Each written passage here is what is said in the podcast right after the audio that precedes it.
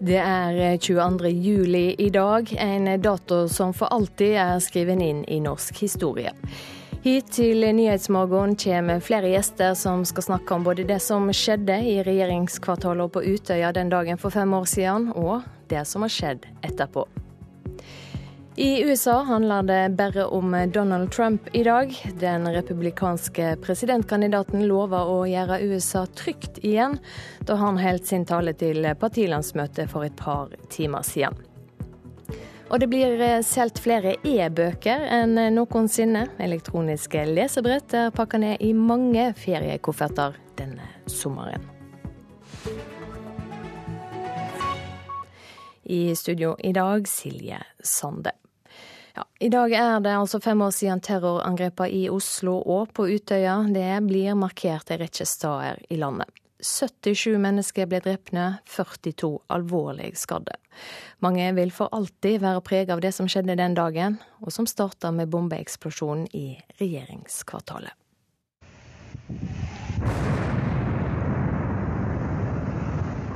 Bombebilen som Anders Behring Breivik hadde plassert ved Høyblokka, eksploderte klokka 15.25.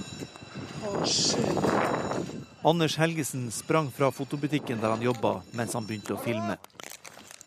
Noen som trenger hjelp? På Jungstorget, et par hundre meter unna, var 16 år gamle Asbjørn Lote på Oslo-tur med familien. Han satt i baksetet i bilen og filma. Alle rutene knuste! Se på dette der! Harald Føsker var i femte etasje i Høyblokka.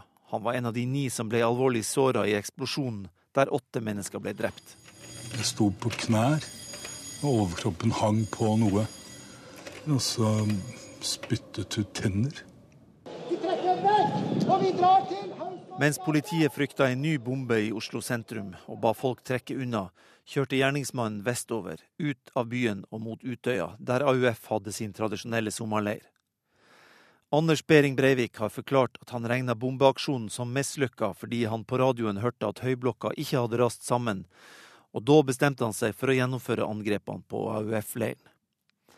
Fra landsida hadde Nils Kristian Ødegård og kameraten utsikt til Utøya, og han filma mens han fulgte med. Shit, altså, er det noen som begynte å svømme òg? De har faktisk begynt å rømme øya. Håper purken kommer snart, da. Men politiet brukte lang tid på å komme seg over til øya, og har beklaga det i ettertid. Imens gikk Behring Breivik rundt på Utøya og drepte for fote. De fleste ofrene var ungdommer. Hanne Hestø Næss fra Namsos var i storsalen i kafébygget. Uh, og da uh, skjøt han først uh, gutten som sitter på sida av meg. Så Lene. Uh, og så meg, da. så var det jo flere rundt meg, men de husker ikke i det hele tatt. Mange vanlige folk ved Tyrifjorden berga liv ved å hjelpe skadde og vettskremte ungdommer bort fra Utøya i småbåtene sine. Anders Behring Breivik ble pågrepet klokka 18.34. Sjøl utover kvelden forsto ikke de fleste hvor mange som var drept på Utøya. Daværende statsminister Jens Stoltenberg besøkte Ullevål sykehus om kvelden. Han har senere fortalt at han ble imponert av innsatsen som ble gjort for å hjelpe de skadde. Men på Ullevål sykehus begynte jeg også å forstå uh, alvoret på Utøya. At det også var stor fare for at uh, de tallene som da man opererte med fra Utøya når det gjaldt antall drepte, var alt, altfor små. Ja, 69 unge ble eh, altså drepne på Utøya. Opptaket du hørte her er fra en radiodokumentar om 22.07 som blir sendt i P2 klokka ni i dag. Vi har også hørt fra Brennpunkt sin 22.07-dokumentar som du kan se på nrk.no. Reporter var Kjartan Rørslett.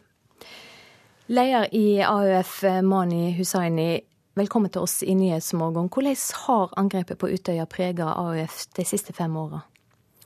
Det er jo eh, fortsatt sånn at for veldig mange av mine medlemmer så eh, oppleves og huskes 22.07 som om det var i går.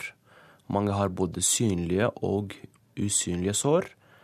Eh, og så har vi så er flestparten av våre medlemmer folk som ble engasjert i etterkant av 22.07, som er blitt medlem eh, kanskje i fjor en gang. Eh, så der har vi også den, den nye generasjonen som, som fortsetter eh, å kjempe for de verdiene vi tror på. Eh, AF er sterkere enn noen gang. Men savnet etter våre 69 kamerater er også sterkere enn noen gang. Mm. Leder for AUF i Oslo, Agnes Nærland Viljegren, skriver i Aftenposten i dag at å komme inn i AUF rett etter 22.07 var vanskelig, og at mm. tomrommet er med videre etter de som ble borte. Ja, og det tror jeg også på. Det var jo, AUF fikk jo mange medlemmer etter 22.07. Ungdom som eh, skulle vise terroristen at eh, vi ikke skulle la oss skremme til taushet. Eh, men samtidig så er det, det er et tomrom der i AUF etter de 69. Eh, samtidig er vi veldig opptatt av å snakke om dem, huske dem, minnes dem. Fordi vi tror at eh, den beste måten å minnes våre 69-kamerater, er å eh, la, de, måte, la, deres minne leve gjennom oss. Gjøre det de gjorde da de var glad, da de var på AUF-leir. Diskutere politikk. Eh, men 22. juli vil for alltid være en del av AUF. Eh, en av de mørkeste dagene i norsk historie. Eh, og derfor er en dag som denne utrolig viktig for å kunne møtes og gi hverandre omsorg og omtanke. Har angrepet hatt noe å si for politikken i AUF? Ja, vi har jo eh, på en måte eh, fått en oppvåkning om at de verdiene vi kjemper for, er enda viktigere enn noen gang. Eh, vi har fått en oppvåkning om at terror og elendighet er ikke bare noe som vi ser på TV-skjermer og det skjer der ute, men det er også noe som kan ramme oss. Og vi har lært at vi kan aldri ta noen ting for gitt. At vi kan aldri ta demokratiet vårt, ytringsfriheten vår, mangfoldet vårt for gitt. At det er verdier som må forsvares hver eneste dag. Hvordan skal det markere dagen i dag? I dag så er det en dag for de etterlatte, de pårørende, de overlevende, AUF-ere, nye, gamle. Eh, men ikke minst, det er en dag for hele nasjonen. 22. juli eh, rammet jo hele nasjonen. Selv om det var et angrep på regjeringen, på Arbeiderpartiet, Arbeiderpartiets framtid, så rammet det hele nasjonen. Eh, vi skal være sammen. Vi skal eh, gi hverandre en skulder å gråte på. Vi skal mimre, fortelle røverhistorier om eh, våre kamerater, om eh, hva de mente om de ulike politiske sakene.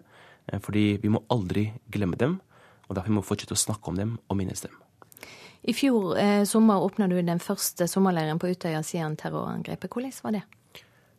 Jeg vil beskrive det som et av de største øyeblikkene i mitt liv.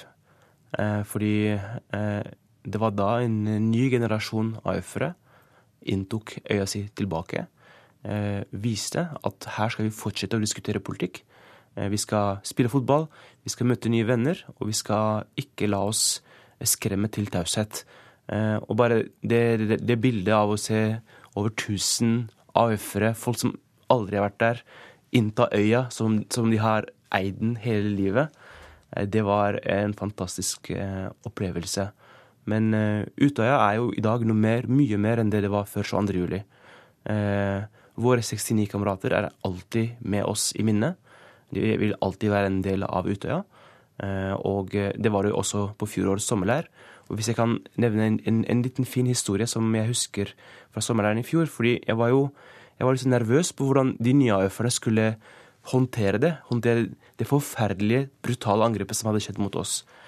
Men jeg sto eh, på, på, plassen og, foran kiosken hvor en gjeng AUF-ere kjøpte seg godteri, diskuterte, lurer på om det var for eller mot EU eller hva det var for noe. Så går de ned til minnesmerket, spør om de 69 snakker om de, noen gråter. Så går det to minutter, så går de ned til fotballbanen og spiller fotball. Det, var, det er jo sånn vi ville ha det. At minnene etter de 60 skal alltid være med oss. Og det var det også på fjorårets sommerleir. Takk for at du kom hit til Nyhetsmorgen, leder for AUF, Mani Hussaini.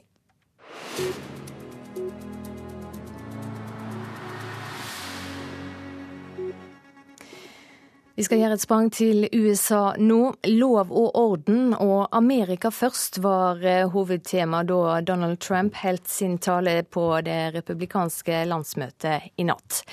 Til stor jubel fra landsmøtedelegatene i Cleveland sa han ja til nominasjonen som partiets presidentkandidat. Friends, delegates and fellow Americans, I humbly and gratefully accept your nomination for the presidency of the United States. Den 75 minutter lange talen til Donald Trump, en av de lengste på en amerikansk partikongress, ble avbrutt utallige ganger av hans støttespillere i salen.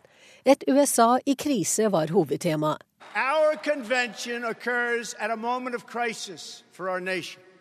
The attacks on our police and the terrorism of our cities threaten our very way of life.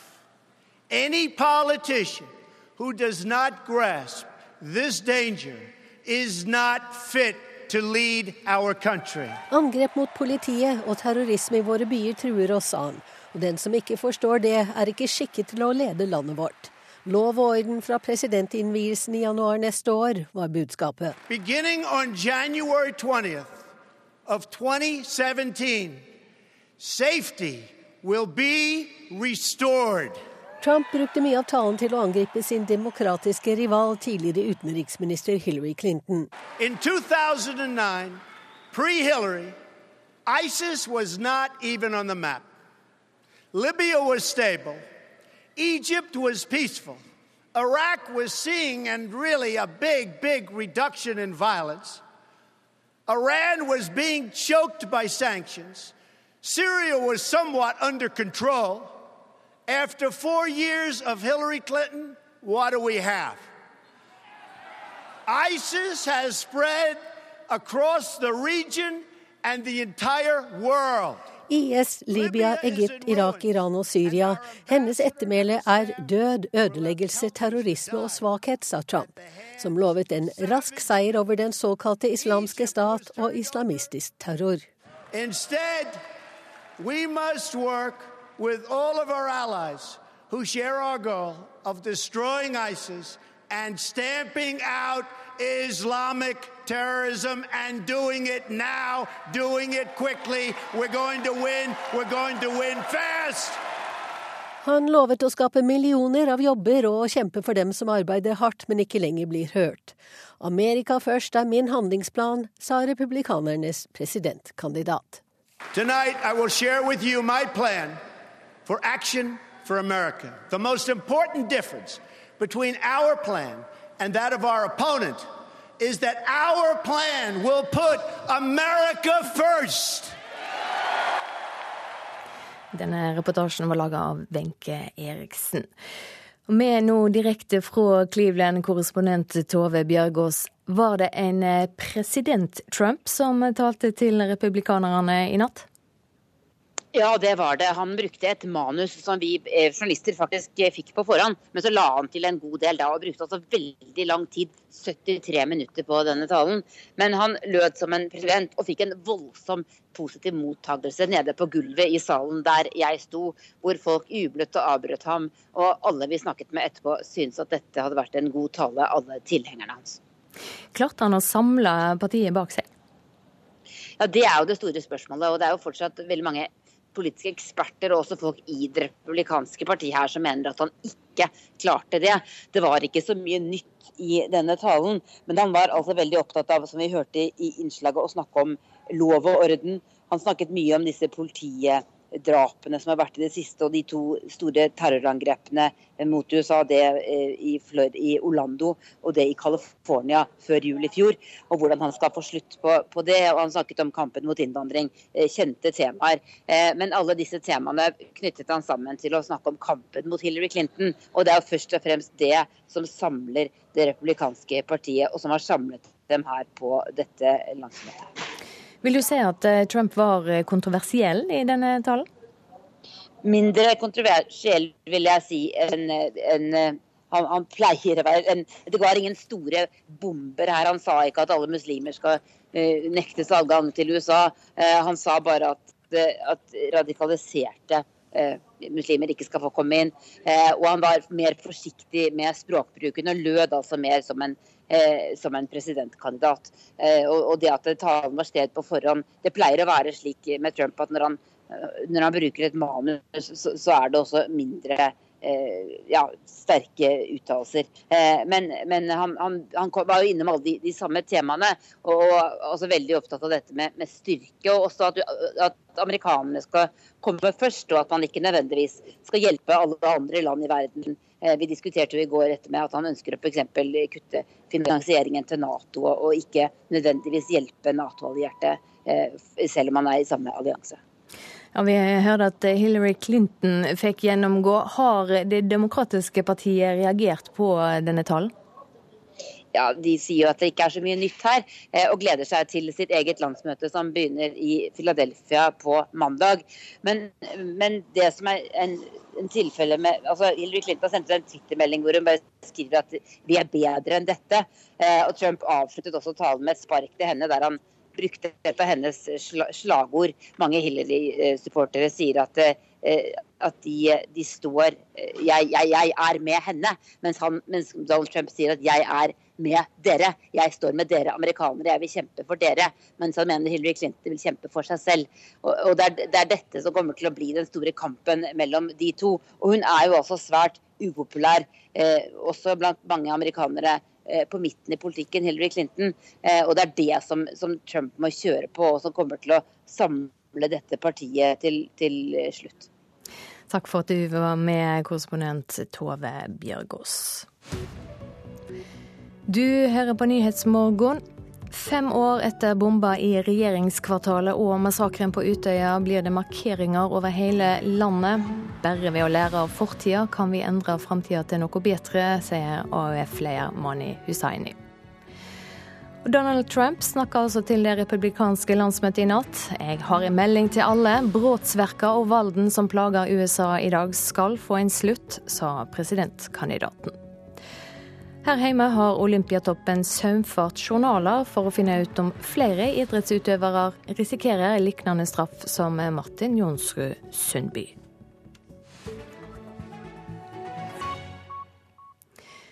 Næringsminister Monica Mæland burde ha sjekka habiliteten sin før hun utnevnte Toril Vidvei som ny styreleder i Statkraft. Det mener professor i offentlig rett Eivind Smith.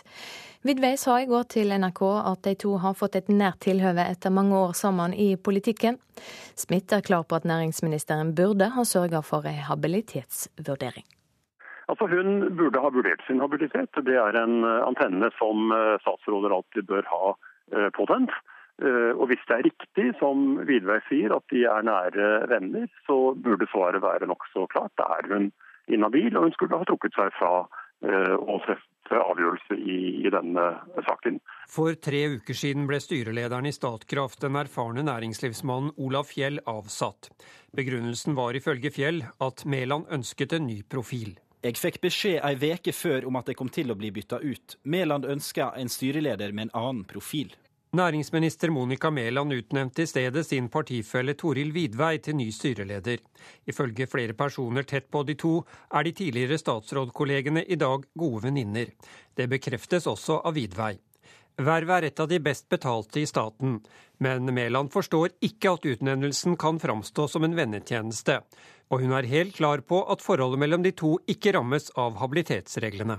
Dette er ikke en relasjon som dekkes av forvaltningslovens regler for habilitet, eller i nærheten av grensen har for det. Har du fått noen andre til å vurdere det enn deg selv? Hvis jeg var i tvil om det, så er det vanlig å kontakte Lovavdelingen i Justisdepartementet. Slik tvil var det ikke i denne saken, og derfor har de ikke vært kontaktet. Leder i næringskomiteen på Stortinget, Geir Pollestad fra Senterpartiet, understreker at han ikke vet hvor nært personlig forhold det er mellom de to men han mener det hadde vært riktig å fått habiliteten vurdert. Når så mange stiller spørsmålstegn ved habiliteten og ikke minst om de vurderingene som er, gjort, så er det jo naturlig at en hadde eh, bedt om en eh, habilitetsvurdering. Jeg mener det ville ha vært eh, ryddigst, og en ville ha spart seg for eh, kritikk. Reporter Tom Ingebrigtsen. Roaren Olaf Tufte har tatt samme medisin som Martin Jonsrud Sundby nå er utestengt for. Utøverne har naturlig nok fått beskjed om ikke lenger å ta slike medisiner. Allikevel kan det bli gjort unntak i OL dersom utøverne er syke nok. Nå har jeg prata med mine leger i dag, for ballen ruller jo ganske fort her nå. uh, om at uh, hvis jeg blir nødt til å løse opp fordi at jeg er dårlig, så skal vi kunne klare det uten uh, forhåpentligvis å bruke dette. Og hvis jeg må gjøre det, så går det an å søke om tue på ganske kort tid. Det sier Olaf Tufte.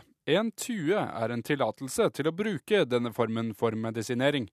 For Olympiatoppen har skjerpet bruken av slike medisiner etter utestengingen av Sundby. Så er det gjort sånn at ingen norske utøvere får lov til å bruke salbutamol på forstøver.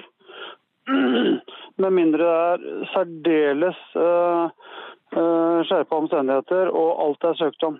Olympiatoppen innrømmer at de lenge har tolket regelverket på samme måte som Skiforbundet gjorde, men naturligvis endrer de på sine retningslinjer nå. Nei, Det er jo ingen av oss som har tolket det regelverket slik KAS har gjort før uh, for en uke siden, da vi ble kjent med dommen.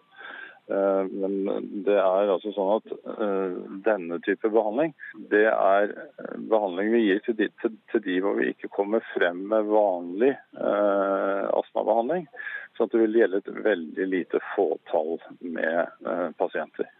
Sjeflege for Olympiatoppen Roald Barr til reporter Halvor Ekeland. Og det er 22. juli som preger avisene i dag. VG bruker hele framsida på et bilde fra Utøya fra kvelden 22. juli 2011. Gjerningsmannen er tatt. Nasjonen er i sjokk. 77 mennesker ble drepne i angrepet mot regjeringskvartalet og Utøya. Tre spørsmål preger framsida. Mer demokrati, mer åpenhet, mer humanitet. Hjelpeapparatet var til stede i begynnelsen, men forsvant da mange kom over sjokket, sier Stine Renate Håheim til Nasjonen. Hun symde bort fra Utøya. Nå frykter hun at vi skal glemme fellesskapen fra tida etter angrepet.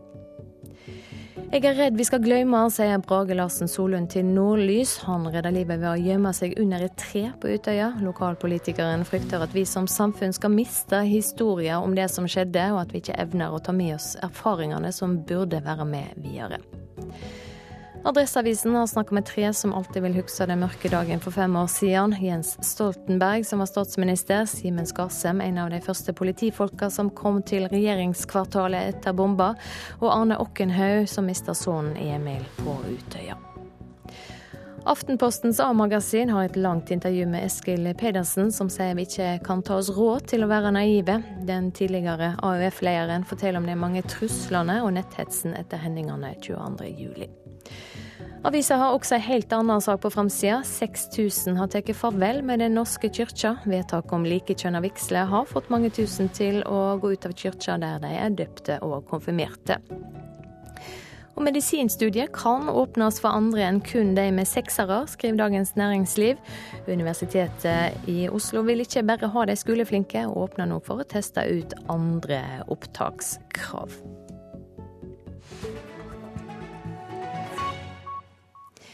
Aldri før er det blitt solgt flere e-bøker. Det norske e-boksalget nådde nye rekorder i juni, og det er mange som helst vil ha med seg elektroniske lesebrett når de drar på ferie. Tallene kommer fra Bokbasen. Eh, e-bokmarkedet om sommeren øker markant fra resten av året. Juli er tradisjonelt den måneden vi selger aller mest e-bøker, eh, og juni som en god nummer to. Mona Numedal er kundeansvarlig i Bokbasen. Hun mener at Norge har kommet senere i gang med e-boksalget enn andre land. Eh, og vi ser i år at vi har hatt en vekst på over 40% sammenlignet med, med fjoråret. Det vi har opplevd nå i det siste, er, slår jo liksom alle våre tidligere salgstall på e-bøker. Og det er veldig morsomt. Elisabeth Sellevold er leder for ebok.no. Hun har aldri sett lignende tall. Eh, vi har hatt nå tre uker på rad med nye salgsrekorder. Vi har hatt nye dagsrekorder. Salget hos oss har eh, virkelig eh, kommet opp på et nytt nivå nå i sommer. Over 30 000 e-bøker ble lastet ned i juni. Også utlånet av e-bøker ved Deichmanske bibliotek i Oslo opplever stor økning. Men hva er grunnen? Jeg går til og med tur mens jeg leser e-bøker. Jeg ser meg alltid for. Altså. Vi tar en prat med e-bokekspert Eirik Newt. Han har lest e-bøker siden 1992. Man kan ha mye diskusjoner frem og tilbake om liksom sånn lukten og følelsen av papirbøker versus skjerm, men når, når, man er på reise, når man er på ferie, så er det utrolig hendig å å ha denne staven med bøker man uansett bare skal lese én gang. Eh, og ha, ha, den tilgjengelig på et lesebrett eller på, på, mobilen. Men jeg tror nok at at en del sjangerlitteratur egner e-bøker seg veldig godt for. Så sånn som romantikk, krim, fantasy, altså sånn som ikke er veldig tekstbasert, og som du ikke trenger å kanskje reflektere veldig over og sette bokmerker i og, og bla tilbake i og tenke over, men som er litteratur som skal konsumeres relativt greit. Men har nordmenn nå tatt e-boken til sitt bryst? Ja, altså om, det, om, det sånn, om, de har tatt det sånn permanent i sitt bryst, det gjenstår jo å se. Men at de har oppdaget at i en del situasjoner så er e-bøker utrolig mye mer praktiske enn p-bøker. Det, det er det jo ting som tyder på. Men hvor mange i Norge leser egentlig e-bøker? 15% ifølge Leserundersøkelsen 2016. Vi drar til Oslo S og foretar en stikkprøve. Leser dere e-bøker? Nei. Leser du e-bøker? Nei, dessverre. Nei. Nei. Aldri vurdert det? Nei, det var ikke det, gitt. Nei. Jeg leser papirbøker i dag fordi jeg er glad i å se det på trykk, og jeg er glad i å gå fort tilbake igjen og tenker jeg vil heller lese den siste siden opp igjen, eller jeg vil bla meg litt frem. Og det er noe med å se skrekksverten. Bokbasen mener det er flere grunner til at e-bøker fortsatt har en vei å gå. Eh, det, prisene er jo høyere, det er jo et mindre språkområde. Og så er det veldig stor tetthet av fysiske bokhandler i Norge. Veldig mange går fortsatt og kjøper bøker i, eh, i bokhandelen, og da blir de ikke så eksponert for tilbudet av e-bøker som i land hvor det er eh, mye høyere bruk av nettbokhandel. Da. Reporter Philip André Johannesborg.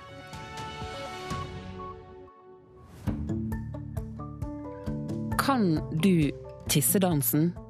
Det kan bandet, meg og kameraten min. Og det blir fjas og alvor. Og musikk som passer både for barn og voksne når de kommer til Kulturhuset og spiller live klokken 13 på P2.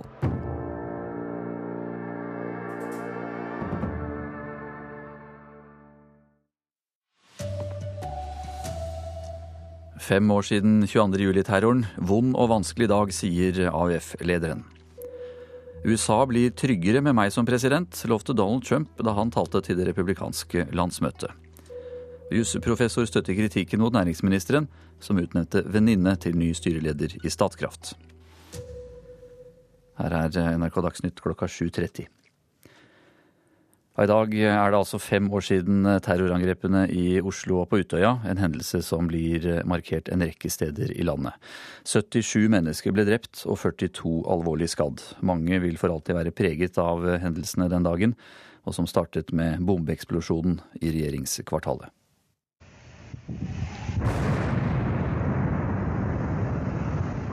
Bombebilen som Anders Behring Breivik hadde plassert ved Høyblokka, eksploderte klokka 15.25. Oh, Anders Helgesen sprang fra fotobutikken der han jobba, mens han begynte å filme. Noen som trenger hjelp? Harald Føsker var i femte etasje i Høyblokka. Han var en av de ni som ble alvorlig såra i eksplosjonen, der åtte mennesker ble drept. Jeg sto på knær, og overkroppen hang på noe. Og så spyttet ut tenner. Vi trekker vekk, og vi drar til Mens politiet frykta en ny bombe i Oslo sentrum og ba folk trekke unna, kjørte gjerningsmannen vestover, ut av byen og mot Utøya, der AUF hadde sin tradisjonelle sommerleir. Fra landsida hadde Nils Kristian Ødegård og kameraten utsikt til Utøya, og han filma mens han fulgte med. Håper purken kommer snart, da. Men politiet brukte lang tid på å komme seg over til øya, og har beklaga det i ettertid. De fleste ofrene var ungdommer. Hanne Hestø Næss fra Namsos var i storsalen i kafébygget. Uh, og da uh, skjøt jeg først uh, gutten som sitter på sida av meg. Så Lene. Uh, og så meg, da. Mange vanlige folk ved Tyrifjorden berga liv ved å hjelpe skadde og vettskremte ungdommer bort fra Utøya i småbåtene sine. Anders Behring Breivik ble pågrepet klokka 18.34. Daværende statsminister Jens Stoltenberg besøkte Ullevål sykehus om kvelden. Begynte jeg også å forstå eh, alvoret eh, på Utøya. At det også var stor fare for at eh, de tallene som da man opererte med fra Utøya når det gjaldt antall drepte, var alt, altfor små. Opptakene du hørte her er hentet fra en radiodokumentar om 22.07 som sendes i P2 klokka ni i formiddag. Og vi har også hørt fra Brennpunkts 22.07-dokumentar, som du kan finne i NRKs nett-TV. Reporter var Kjartan Røslett. Nåværende leder i AUF, Mani Hussaini, hva husker du best fra 22.07.2011? Det var en dag fullt av eh, sjokk, eh, fortvilelse eh, og sorg uvitenhet. Eh, terroristen angrep eh, regjeringen, eh, AUF, men rammet hele nasjonen. Eh, og jeg husker dagene og, og ukene etter, så vi gråt. Hele, hele nasjonen gråt. Hvordan har eh, angrepet på Utøya preget AUF eh, i disse fem åra? Eh, savnet etter de 69 er jo der hele tiden. Eh, og vi snakker om dem og, og, og minnes dem. Eh, men AUF er eh, sterkere enn noen gang.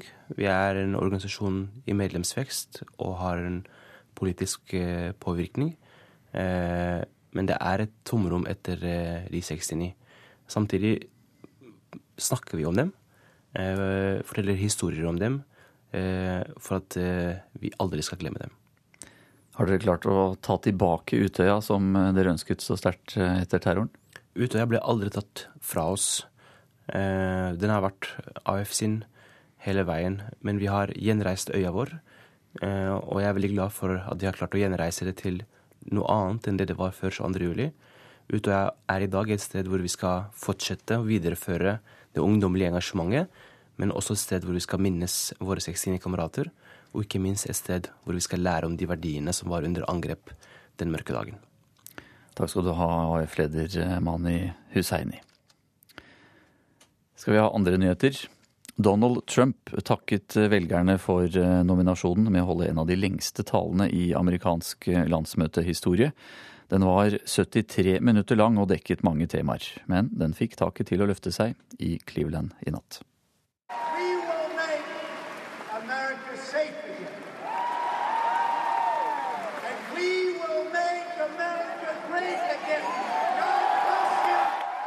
Tusen mennesker i landsmøtehallen i Cleveland er i ferd med å gå av skaftet. Ballongene slippes fra taket, og konfettien hagler. Donald Trump sparte ikke på noe i natt. Heller ikke på kreftene. I 73 minutter talte han til landsmøtet og folket. Om å gjenopprette lov og orden, stanse ulovlig innvandring og bringe industriarbeidsplasser tilbake til USA. Alle de vi snakket med i salen, likte det de hørte. He wasn't originally my first choice as a candidate, uh, but the more I learned about him, the more I listened to his message. Uh, I truly believe that he's going to make our country great again. Jeg stemte opprinnelig på en annen kandidat, men nå er jeg sikker på at Trump vil gjøre USA storslagent igjen, sier René Galicia fra California. Mange kommentatorer mener talen til Trump var for lang og dekket for mange temaer. Men ikke delegat Mary Susan fra Minnesota. I cried a few times and I mean, I, I heard him say many of the things before. Uh, but uh, I just think he hit every point. I was. Jeg gråt flere ganger. Jeg har hørt ham si mye av dette før, men jeg er glad for at han var innom alle disse temaene, sier kvinnen som har en kappe i rødt, hvitt og blått drapert over skuldrene. Tove Bjørgaas, Cleveland. Næringsminister Monica Mæland burde ha sjekket habiliteten sin på forhånd før hun utnevnte Toril Vidvei som ny styreleder i Statkraft. Det mener professor i offentlig rett Eivind Smith. Vidvei sa i går til NRK at de to har fått et nært forhold etter mange år i politikken sammen. Smith er klar på at næringsministeren burde ha sørget for en habilitetsvurdering. Hun burde ha vurdert sin habilitet. Det er en antenne som statsråder alltid bør ha påtent. Og hvis det er riktig, som Vidvei sier, at de er nære venner, så burde svaret være nokså klart. Da er hun inhabil, og hun skulle ha trukket seg fra å treffe avgjørelser i, i, denne saken. For tre uker siden ble styrelederen i Statkraft, den erfarne næringslivsmannen Olaf Fjell, avsatt. Næringsminister Monica Mæland utnevnte i stedet sin partifelle Toril Vidvei til ny styreleder. Ifølge flere personer tett på de to, er de tidligere statsrådkollegene i dag gode venninner. Det bekreftes også av Vidvei. Vervet er et av de best betalte i staten, men Mæland forstår ikke at utnevnelsen kan framstå som en vennetjeneste, og hun er helt klar på at forholdet mellom de to ikke rammes av habilitetsreglene. Dette er ikke en relasjon som dekkes av forvaltningslovens regler for habilitet. Hvis jeg var i tvil om det, så er det vanlig å kontakte Lovavdelingen i Justisdepartementet. Slik tvil var det ikke i denne saken, og derfor har de ikke vært kontaktet. Leder i næringskomiteen på Stortinget, Geir Pollestad fra Senterpartiet, understreker at han ikke vet hvor nært personlig forhold det er mellom de to. Men han mener det hadde vært riktig å fått habiliteten vurdert. Når så mange stiller spørsmålstegn ved habiliteten, og ikke minst om de vurderingene som er, gjort, så er det jo naturlig at en hadde bedt om en eh, habilitetsvurdering. Jeg mener det ville ha vært ryddigst, og en ville ha spart seg for eh, kritikk. Reporter Tom Ingebrigtsen. I eh, Hallingdal drar barn på leir for å lære å snakke sin egen eh, dialekt. Turisme og mange innflyttere gjør at barna ikke lenger eh, snakker dialekten, verken hjemme eller på skolen. 17 unger fra hele Hallingdal er denne veka samla på Snertestølen i Hemsedal for å finpusse hallingdialekta. Anne Skølt fra Hemsedal er en av de unge deltakerne på leiren. Jeg prata ikke dialekt før, eh, men det var veldig vanskelig å holde på det på skolen. Fordi det er bare noen få i klassen som prater dialekt til vanlig.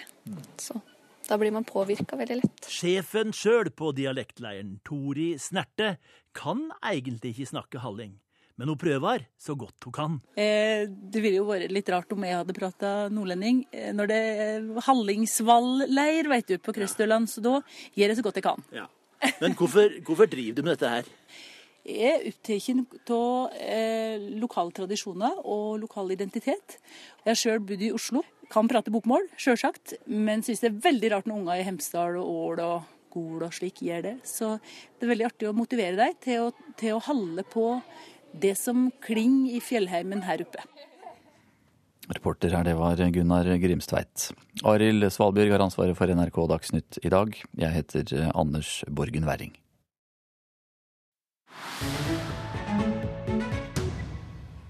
til Ukraina nå her i Nyhetsmorgen. De fleste tenker på krig og uro når det er snakk om Donbas-området øst i landet. Men her ligger også det største anlegget for produksjon av musserende vin i Øst-Europa, bare noen kilometer unna krigshandlingene. Vår korrespondent Morten Jentoft har nylig vært i Donbas og laga denne reportasjen. А потом там сутки простоит емкость разлюченная, попадет вот это han hører utvilsomt til de mer ivrige av turistguider jeg har møtt. Andrian Bereznoj, der han tar meg med innover i de store fjellhallene i Artjomivsk vineri. Den store champagnefabrikken øst i Ukraina. I byen som bare for noen måneder siden fikk tilbake sitt gamle navn, Bahmut. Andrian har tatt NRK med ned i det som en gang var en gipsgruve, men som siden begynnelsen av 1950-tallet ble gjort om til det som på godt norsk kalles sprudlevinfabrikk. Formelt er det jo bare champagne som er produsert i et avgrenset område i Frankrike, som har lov til å bruke champagnenavnet. Артвайнери является самым большим, самым крупным производством Востока Европы. Vi er den største produsenten av champagne i Øst-Europa, sier Andrian Bedesnoy stolt, og forteller at i et normalt år produserer de minst 15 millioner flasker med det han selv kaller kvalitetsvin. A Russian officer has been captured by Ukrainian soldiers after Russian-backed militants attacked Archomsk. Archomsk is located in the part of East Ukraine men bare for vel ett år siden var det denne type nyheter som kom fra Artjomivsk, som Bahmut het før den ble en del av dekommunistiseringen, som ukrainske myndigheter har satt i gang for å fjerne alle de ytre tegnene fra den gangen Ukraina var en del av Sovjetunionen. Bahmut ligger nemlig bare noen kilometer fra frontlinjen mellom de prorussiske separatistene og de ukrainske regjeringsstyrkene. Og Andrian Bereznoj forteller at også champagnefabrikken fikk føle krigen på kroppen. Ja, det var noen granater som falt ned på fabrikkområdet vårt, men heldigvis var det ikke egentlige kamphandlinger her, forteller Andrian. Samtidig som han sier at konflikten i Ukraina, der prorussiske separatister nå kontrollerer store deler av Donbas-området, har skapt problemer for produksjonen av champagne. Проблемы, ну, конечно, это проблемы с доставкой вина, vi har problemer med både utkjøring av vin og med råstoffet. Men først og fremst har vi mistet en stor del av hjemmemarkedet vårt fordi vi nå ikke selger vin til de områdene som ikke kontrolleres av den ukrainske regjeringen, forteller Andrian Bedesnoy. Det største problemet for driften har likevel vært at de ikke lenger får importere råvin fra Krimhalvøya, som ble annektert av Russland våren 2014. Men vi har klart å dekke vårt behov med vin fra andre deler av Ukraina, da først og fremst Odessa og Nikolajev-området, forteller han. Etter en nedgang i produksjonen i 2014 og 2015 ser det nå ut til at det kommer til å gå bedre i 2016, som det gjør ellers i ukrainsk økonomi. Det Vinfabrikken i Bahmut rommer også et minnesmerke om den forferdelige historien som annen verdenskrig var i Ukraina. Der forfølgelsen av jødene fra Nazi-Tyskland og deres støttespillere overgikk det meste av grusomheter. Mange kjenner historien om Babia, massedrapet på jøder i hovedstaden Kiev i slutten av september 1941. Men få har hørt historien om hvordan tyskerne jaget flere tusen jøder ned i gipsgruven i Barmut, og bokstavelig talt murte dem inne der, til en langsom og forferdelig død, forteller Andrian Beresnoy. Det som hadde skjedd, ble først kjent etter at de sovjetiske styrkene frigjorde området i 1943. Da oppdaget de levningen av de døde bak den muren som var reist her inne, forteller Bedesnoj, mens han samtidig peker opp på veggen, der vi kan se at det drypper litt vann ned fra et lite hull.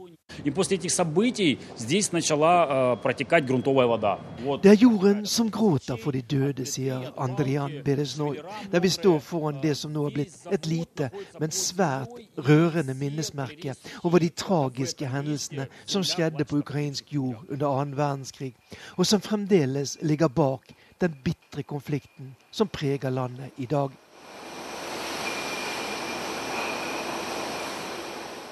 Men i dag handler det her først og fremst å holde i gang produksjon.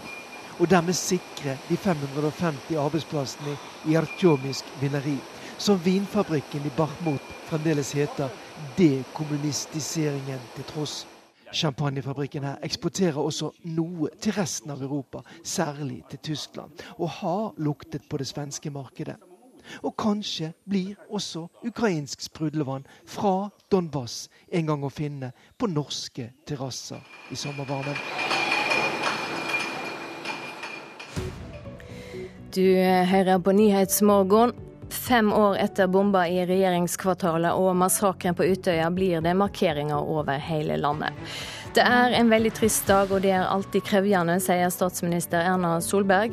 Mannen som var statsminister den dagen det skjedde, er akkurat kommet inn i studio her i Nyhetsmorgen.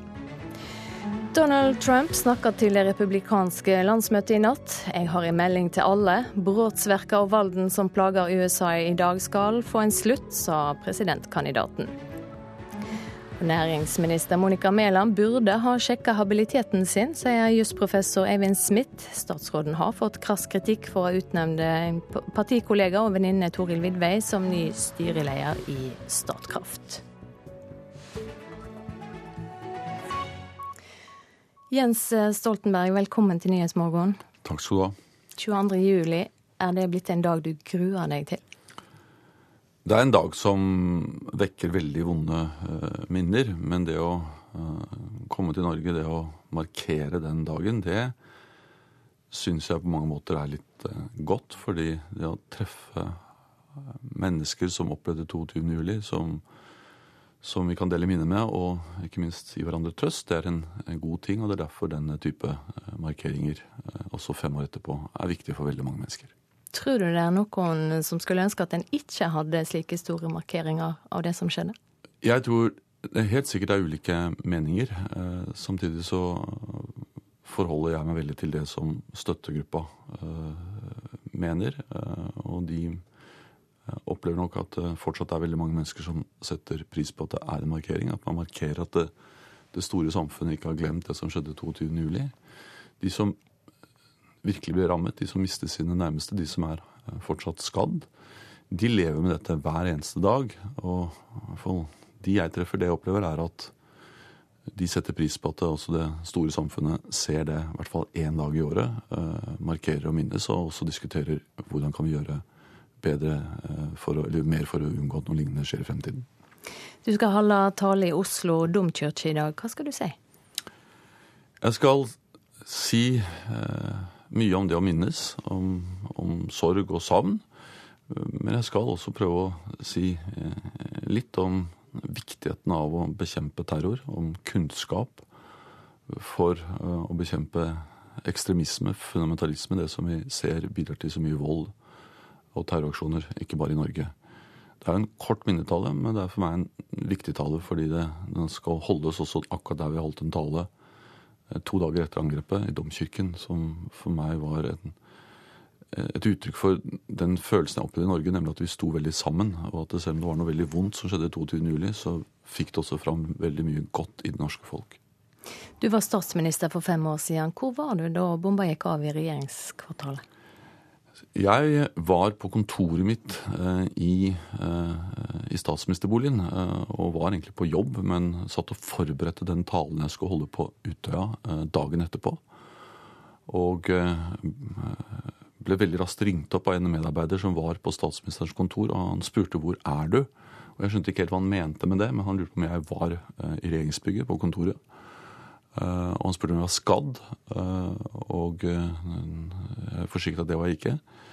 Men han fortalte, for han gikk nedover trappene, han var oppe i 16. etasje og gikk nedover, og fortalte hva han så. og da begynte jeg å skjønne at dette var veldig alvorlig og veldig stort. Jeg husker at vi ganske, brukte ganske lang tid på å begynne å kalle det en, en bombe. Vi kalte det en eksplosjon. Fordi politiet og andre var usikre på om det var en ulykke eller en bombe. Men eh, vi skjønte jo raskt at det var eh, veldig alvorlig, eh, uavhengig av om det var bombe eller eksplosjon.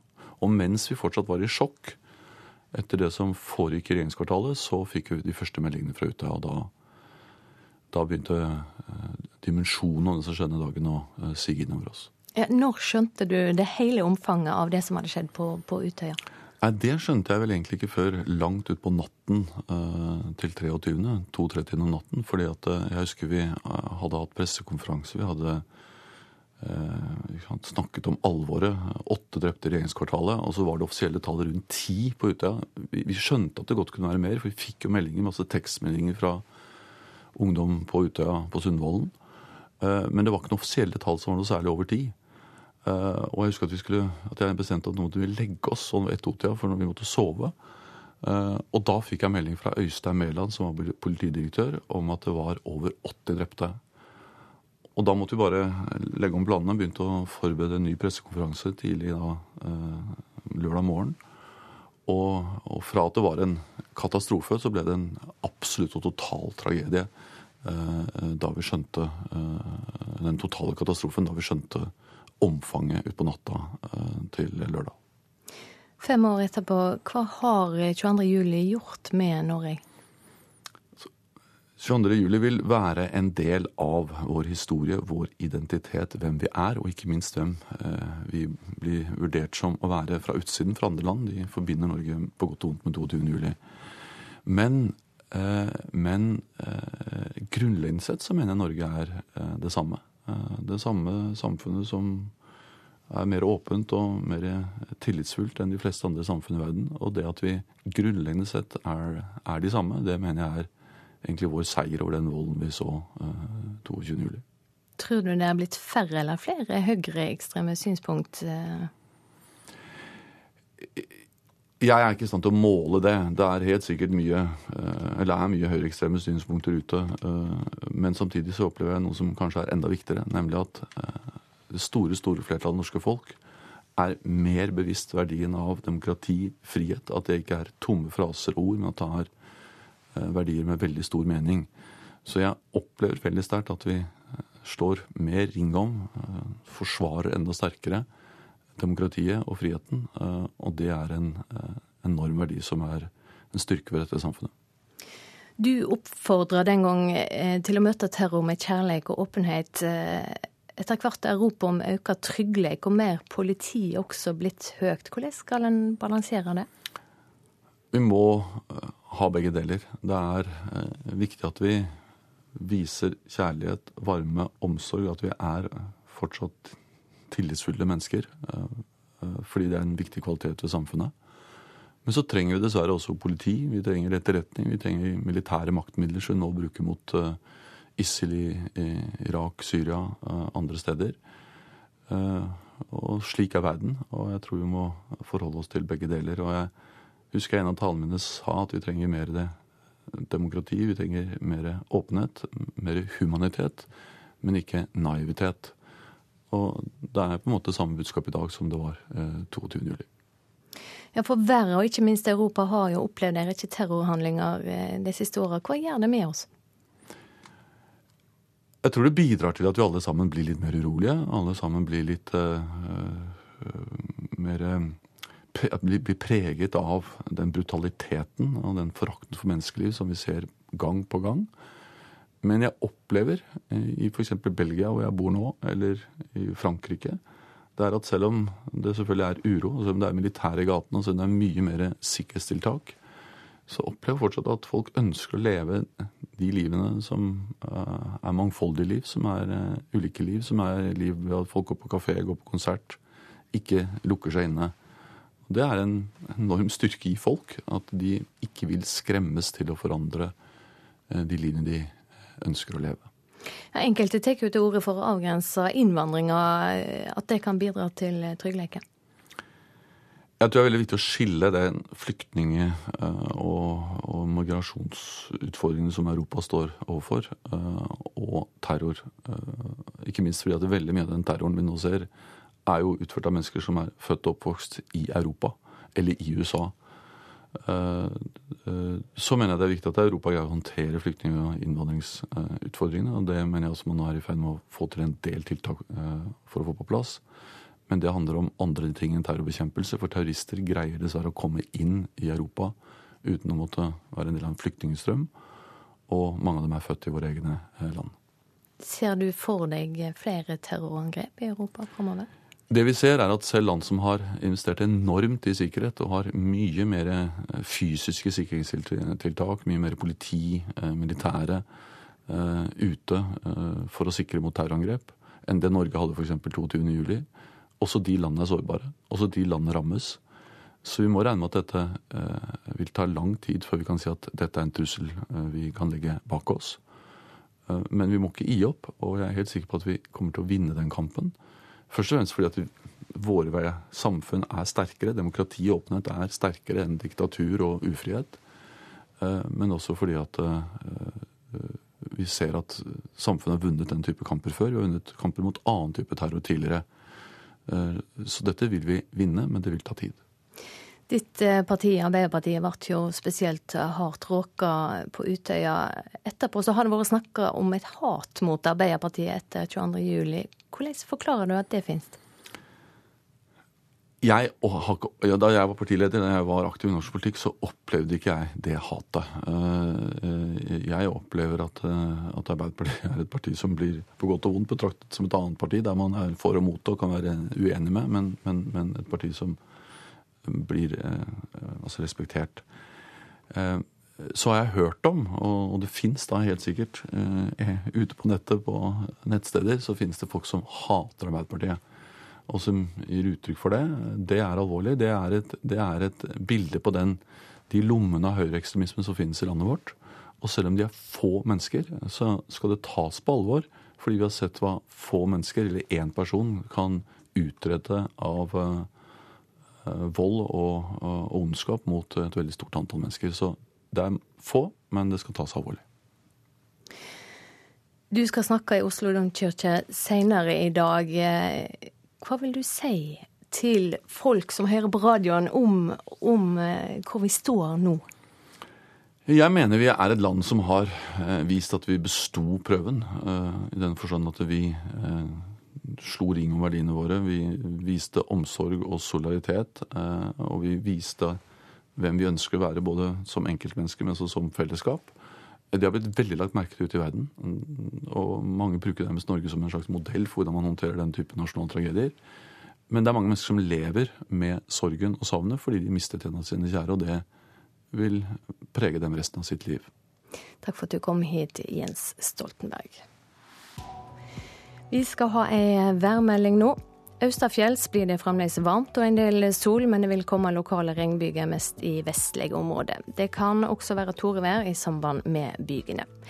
I fjellet blir det også bygevær og en del skyer, særlig i vest. Vestlandet får for det meste skyavær og regnbyger, lokalt med torevær. Kjøligere. I Trøndelag blir det fint vær med noen ettermiddagsbyger i sør, og også her er det utrygt for torevær. Det blir lågere temperaturer. Nordland får lite vind og fint varmt vær, men fra i ettermiddag kan det komme lokal skodde på kysten, først i sør. Troms og Finnmark opphold og perioder med sol. Temperaturen går opp særlig i Troms, og det kommer opp i over 25 grader mange steder i indre strøk. Lite vind, østlig frisk bris på kysten av Finnmark. På Spitsbergen der blir det en god del skyer, men ellers stort sett opphold.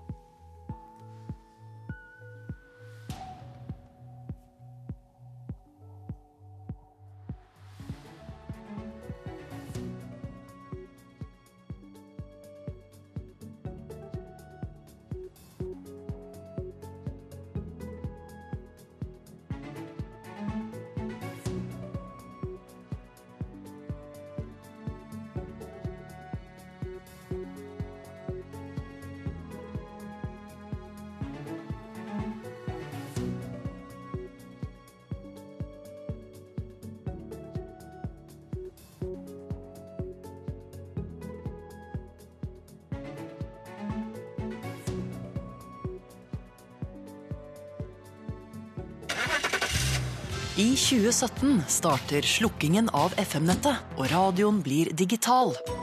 Med DAB pluss får du 25 riksdekkende kanaler i bilen også.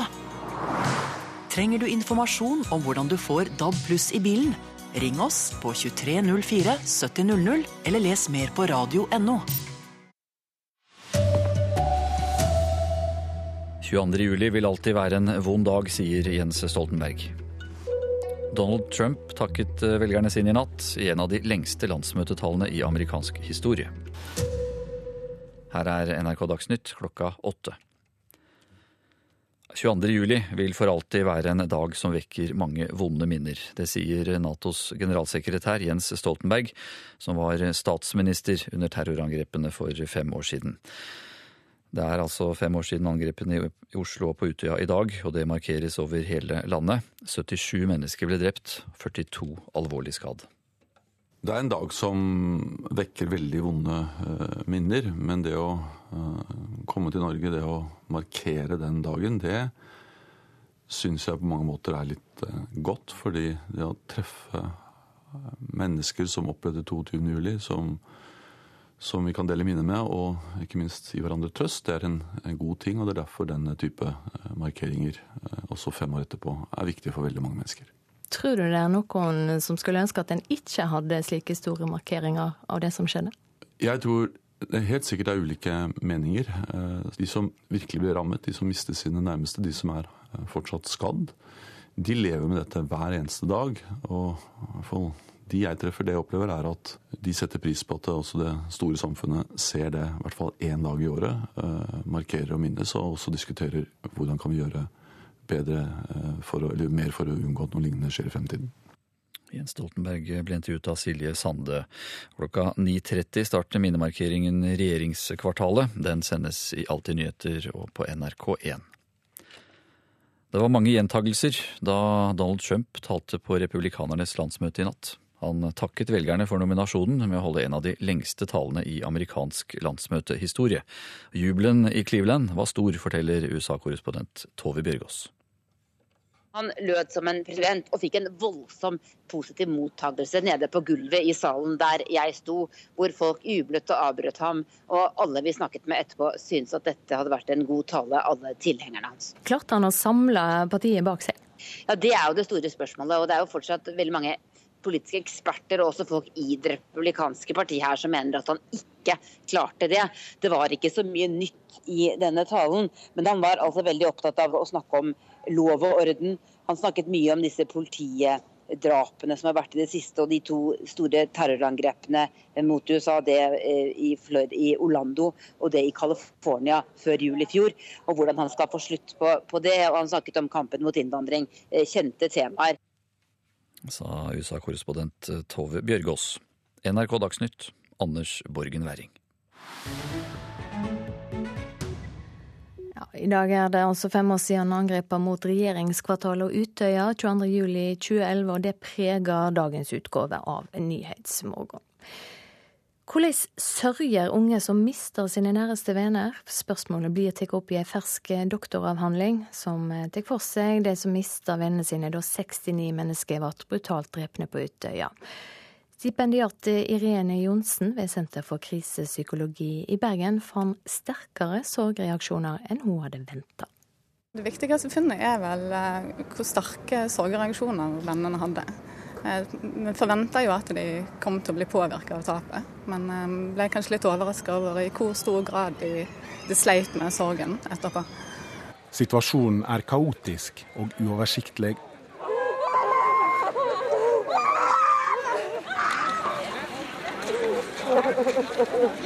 Ungdommene har bak seg et døgn de aldri kommer til å glemme. 69 unge mennesker mista livet den kvelden for fem år siden. Verst er tapet naturlig nok for de pårørende. Men også for nære venner har sorga etterpå vært tung.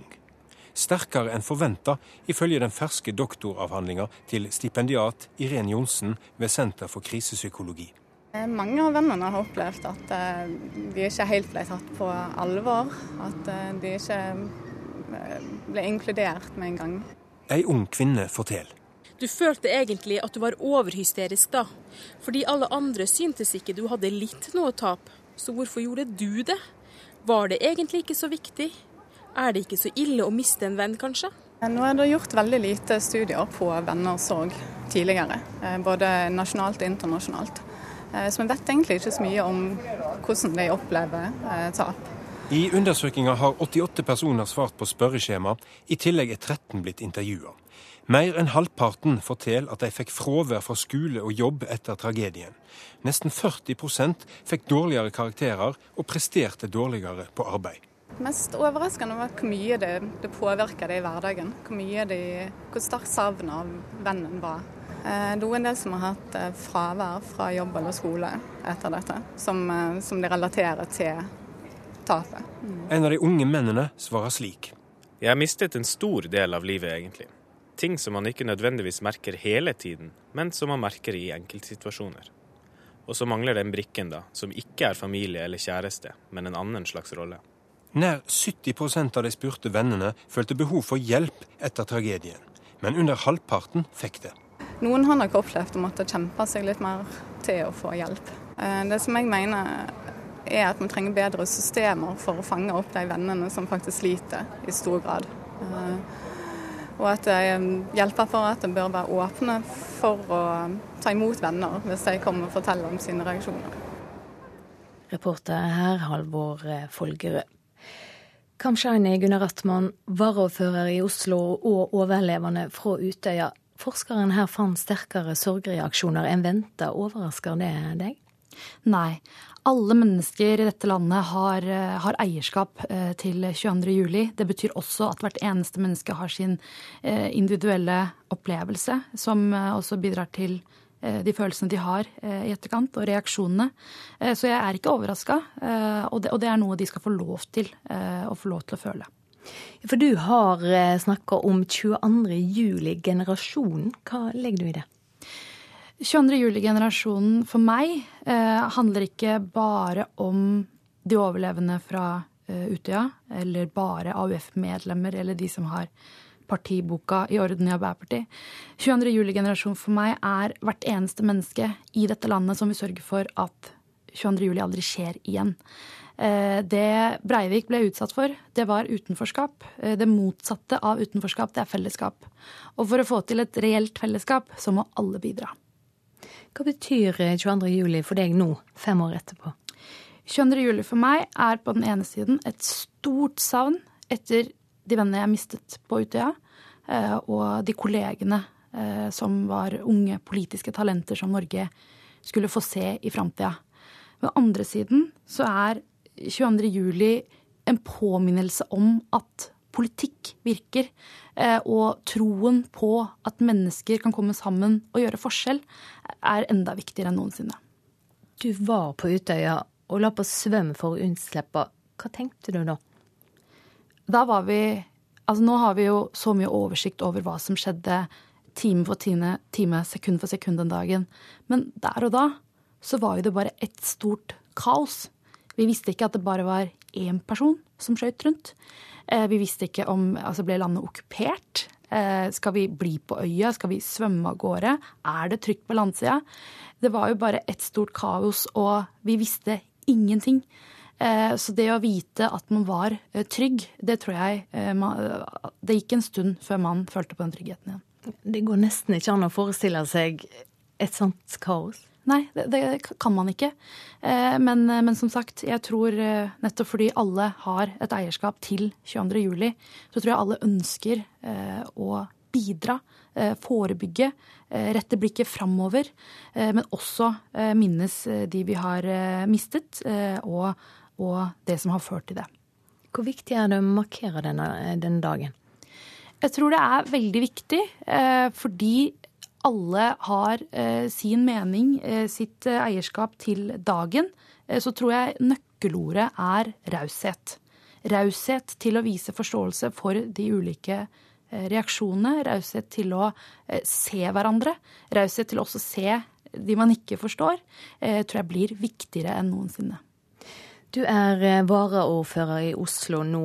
Hvordan vil du si at dette har vært med å forme deg som politiker? Det jeg har sagt hver eneste dag siden 22.07.2011, eh, er Og det er ikke bare meg, det er det mange AUF-ere som også har gjort. Eh, for våre døde kamerater, ikke et minutts stillhet, men et helt liv i kamp. Og den kampen for et rausere, varmere, mer rettferdig samfunn, den tar jeg med meg hver eneste dag, ikke bare på denne dagen, eh, også som varaordfører i byen vår. Har det gjort noe med hva saker du brenner mest for? Det er jo nettopp det man ikke skal gjøre. Vi skal ikke se på politikk som noe fragmentert, men må se hele sammenhengen, se at alt henger sammen med alt, eh, og tenke hvordan hvert eneste politiske område bidrar til å sørge for at mennesker kan møtes på tvers av alle ulike sosiale, religiøse, etniske og kulturelle grenser. Takk for at du kom hit til Nyhetsmorgen, Kamshane Gunnar Atma.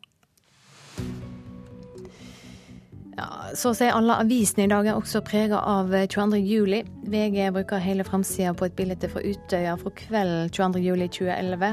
Gjerningsmannen er tatt, nasjonen er i sjokk. 77 mennesker var drept i angrepet mot regjeringskvartalet og Utøya.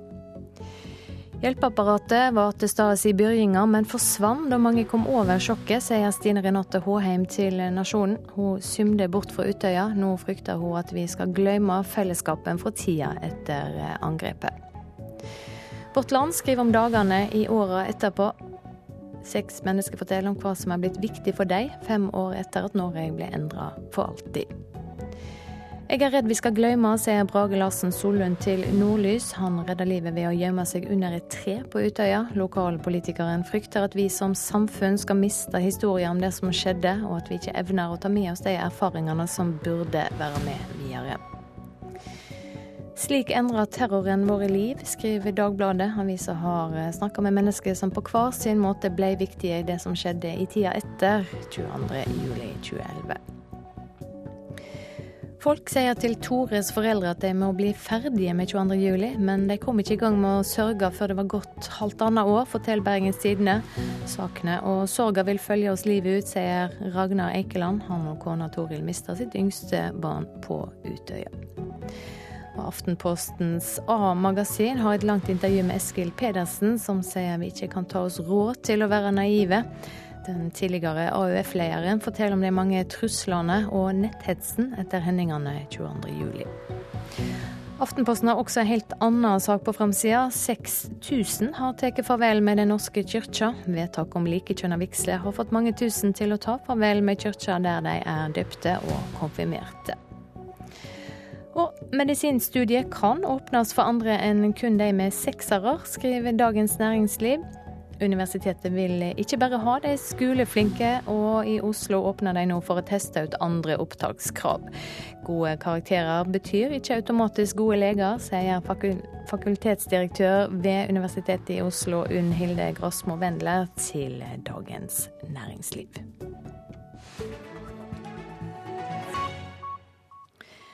Lov og orden og Amerika først var hovedtema da Donald Trump holdt eh, sin tale på republikanerne sitt landsmøte i natt. Til stor jubel fra landsmøtedelegatene i Cleveland sa han ja til nominasjonen som partiet sin presidentkandidat. Friends, delegates and fellow Americans, I humbly and gratefully accept your nomination for the presidency of the United States. Den 75 minutter lange talen til Donald Trump, en av de lengste på en amerikansk partikongress, ble avbrutt utallige ganger av hans støttespillere i salen. Et USA i krise var hovedtemaet. Our convention occurs at a moment of crisis for our nation.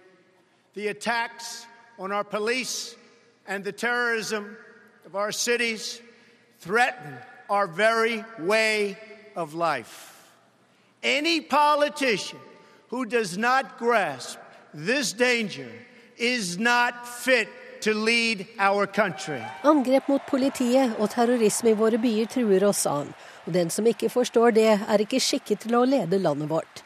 Lov og orden fra presidentinnvielsen i januar neste år, var budskapet. Beginning on January 20th, of 2017, safety will be restored. Trump brukte mye av talen til å angripe sin demokratiske rival, tidligere utenriksminister Hillary Clinton. In 2009, pre-Hillary, ISIS was not even on the map. Libya was stable. Egypt was peaceful. Iraq was seeing and really a big, big reduction in violence. Iran was being choked by sanctions. Syria was somewhat under control. After four years of Hillary Clinton, what do we have?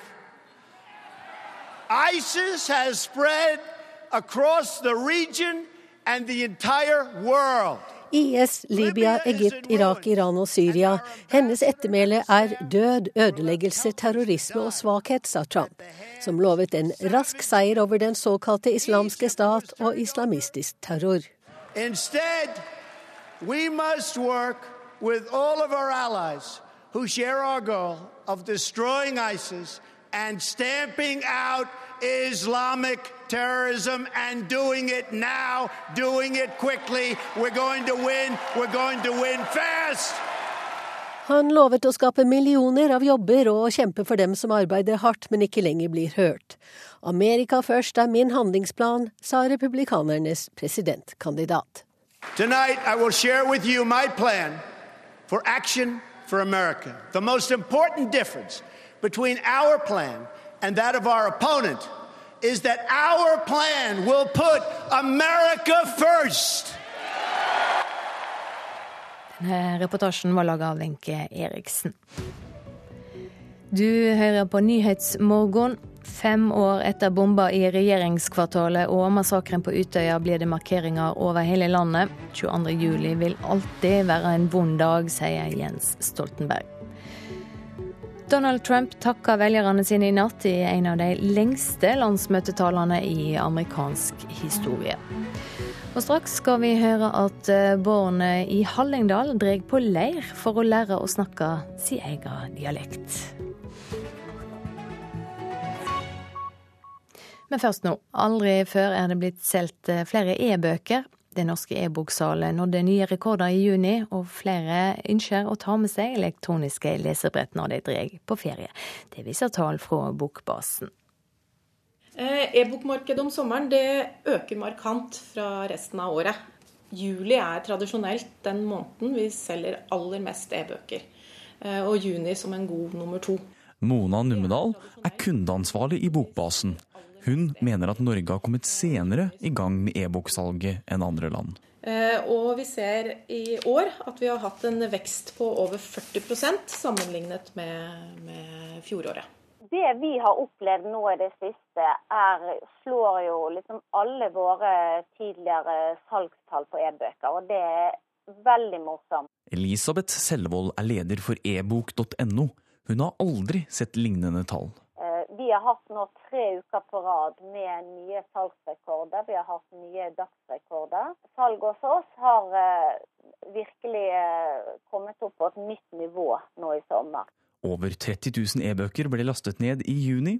Også utlånet av e-bøker ved Deichmanske bibliotek i Oslo opplever stor økning. Men hva er grunnen? Jeg går til og med tur mens jeg leser e-bøker. Jeg ser meg alltid for. Altså. Vi tar en prat med e-bokekspert Eirik Newt.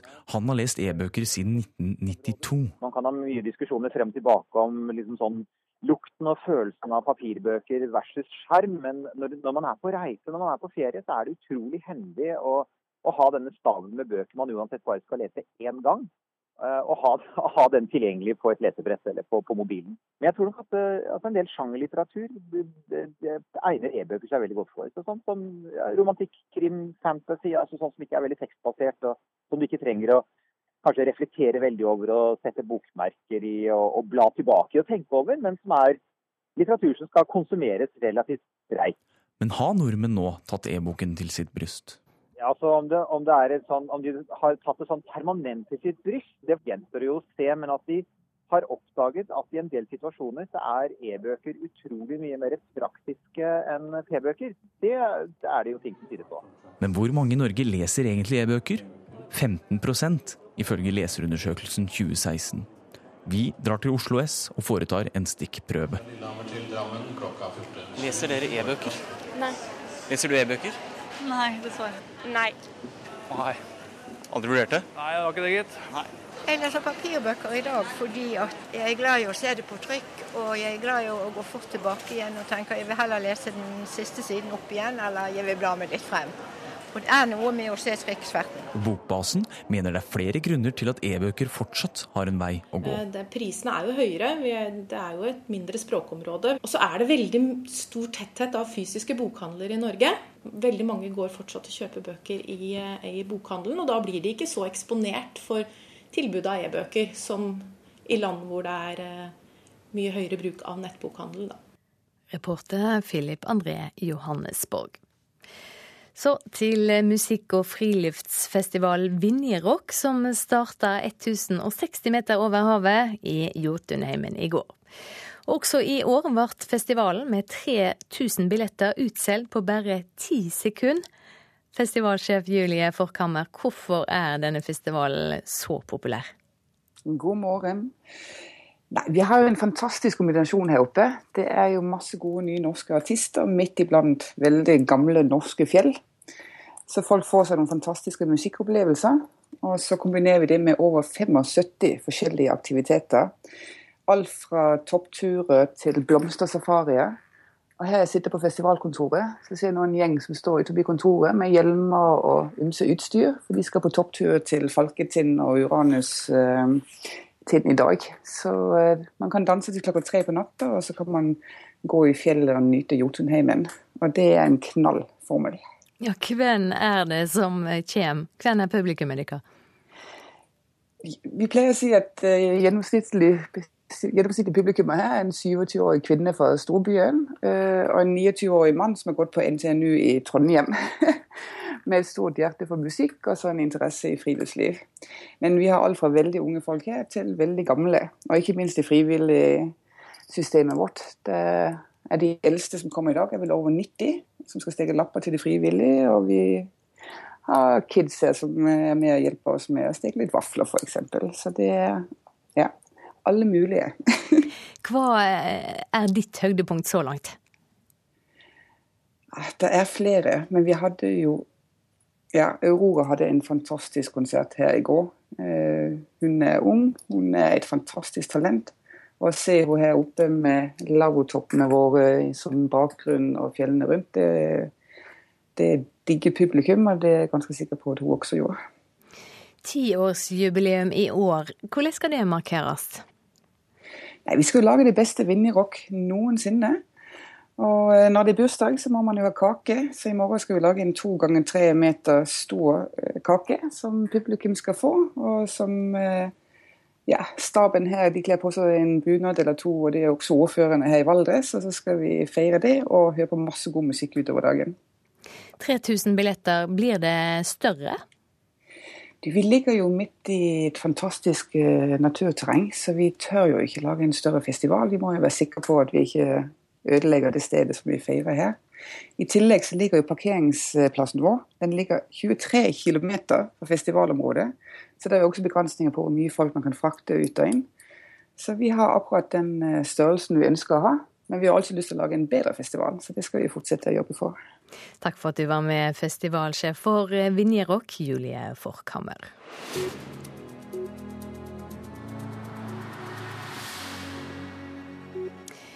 I Hallingdal dreg barn på leir for å lære å snakke sin egen dialekt. Turisme og mange innflyttere gjør at barna ikke lenger snakker dialekter, korkje hjemme eller på skolen. Denne veka er 17 unger fra hele Hallingdal samla for å finpusse på den opphavlige dialekta si. I tillegg får de smake på ekte stølskost.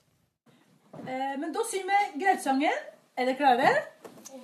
Du halling, du halling, nå må du eta mykje greit. Med honning, med honning, så blir du stor og sterk. Surreia, deia, stopp. Surreia, deia, stopp.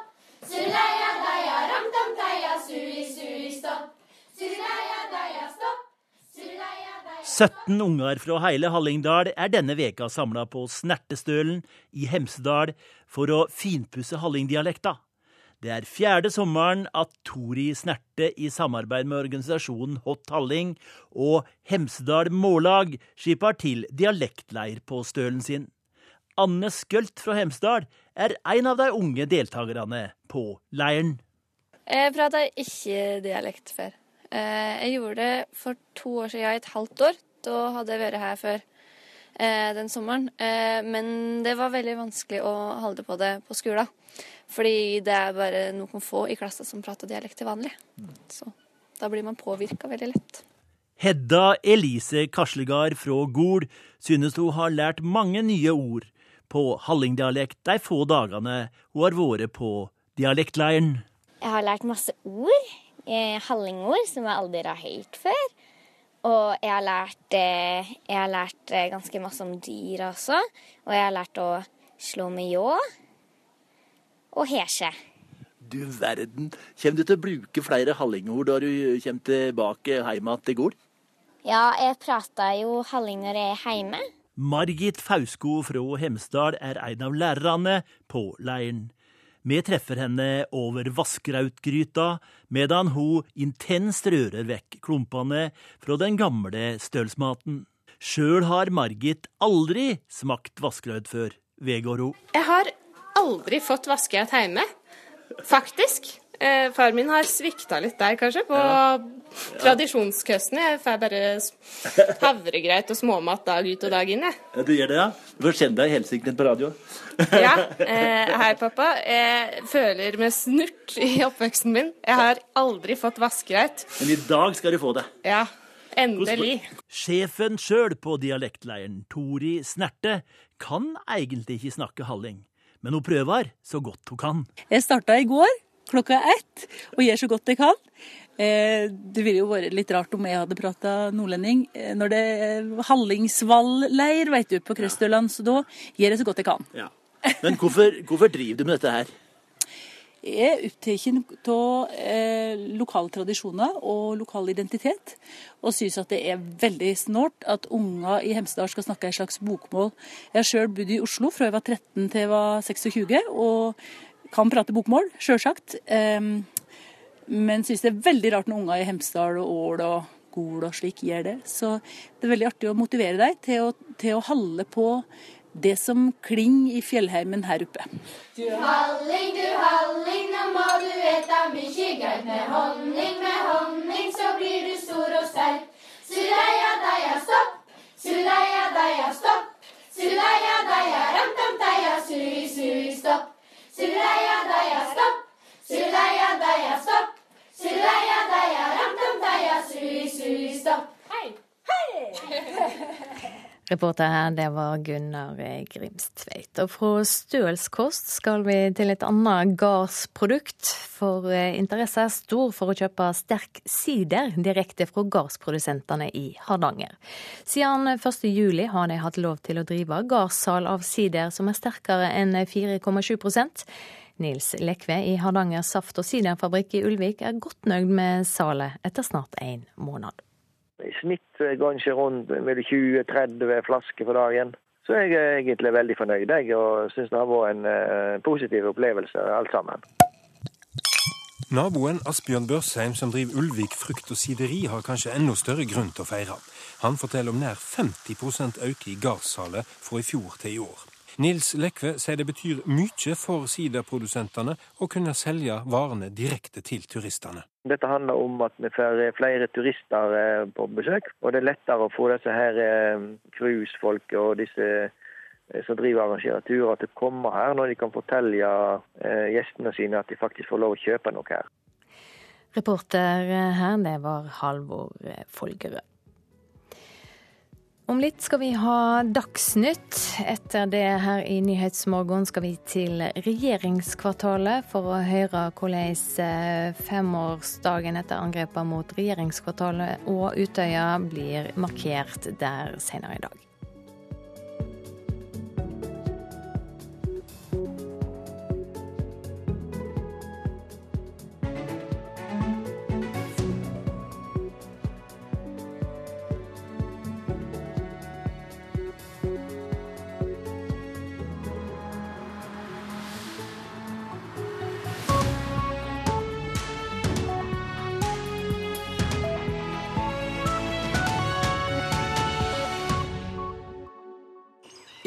Sommer i P2.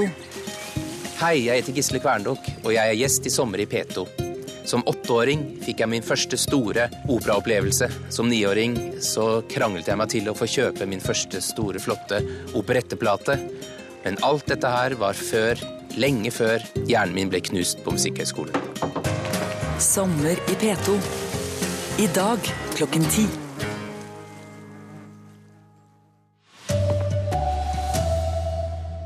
Jeg savner vennene mine, sier varaordføreren i Oslo, som overlevde terrorangrepet på Utøya for fem år siden. Gode karakterer betyr ikke nødvendigvis at du er en god lege, mener ledelsen ved Medisinsk fakultet i Bergen. Her er NRK Dagsnytt klokka 8.30. I dag er det fem år siden terrorangrepene i Oslo og på Utøya, en hendelse som blir markert en rekke steder i landet. 77 mennesker ble drept og 42 alvorlig skadd. Mange vil for alltid være preget av hendelsene den dagen. Jamsi Gunaratnam er i dag varaordfører i Oslo. For fem år siden så var hun på Utøya. 22. juli for meg er på den ene siden et stort savn etter de vennene jeg mistet på Utøya, eh, og de kollegene som var unge politiske talenter som Norge skulle få se i framtida. Ved andre siden så er 22. juli en påminnelse om at politikk virker. Eh, og troen på at mennesker kan komme sammen og gjøre forskjell, er enda viktigere enn noensinne. Du var på Utøya og la på svømme for å unnslippe. Hva tenkte du da? Da var vi Altså nå har vi jo så mye oversikt over hva som skjedde time for time, time, sekund for sekund den dagen. Men der og da så var jo det bare ett stort kaos. Vi visste ikke at det bare var én person som skøyt rundt.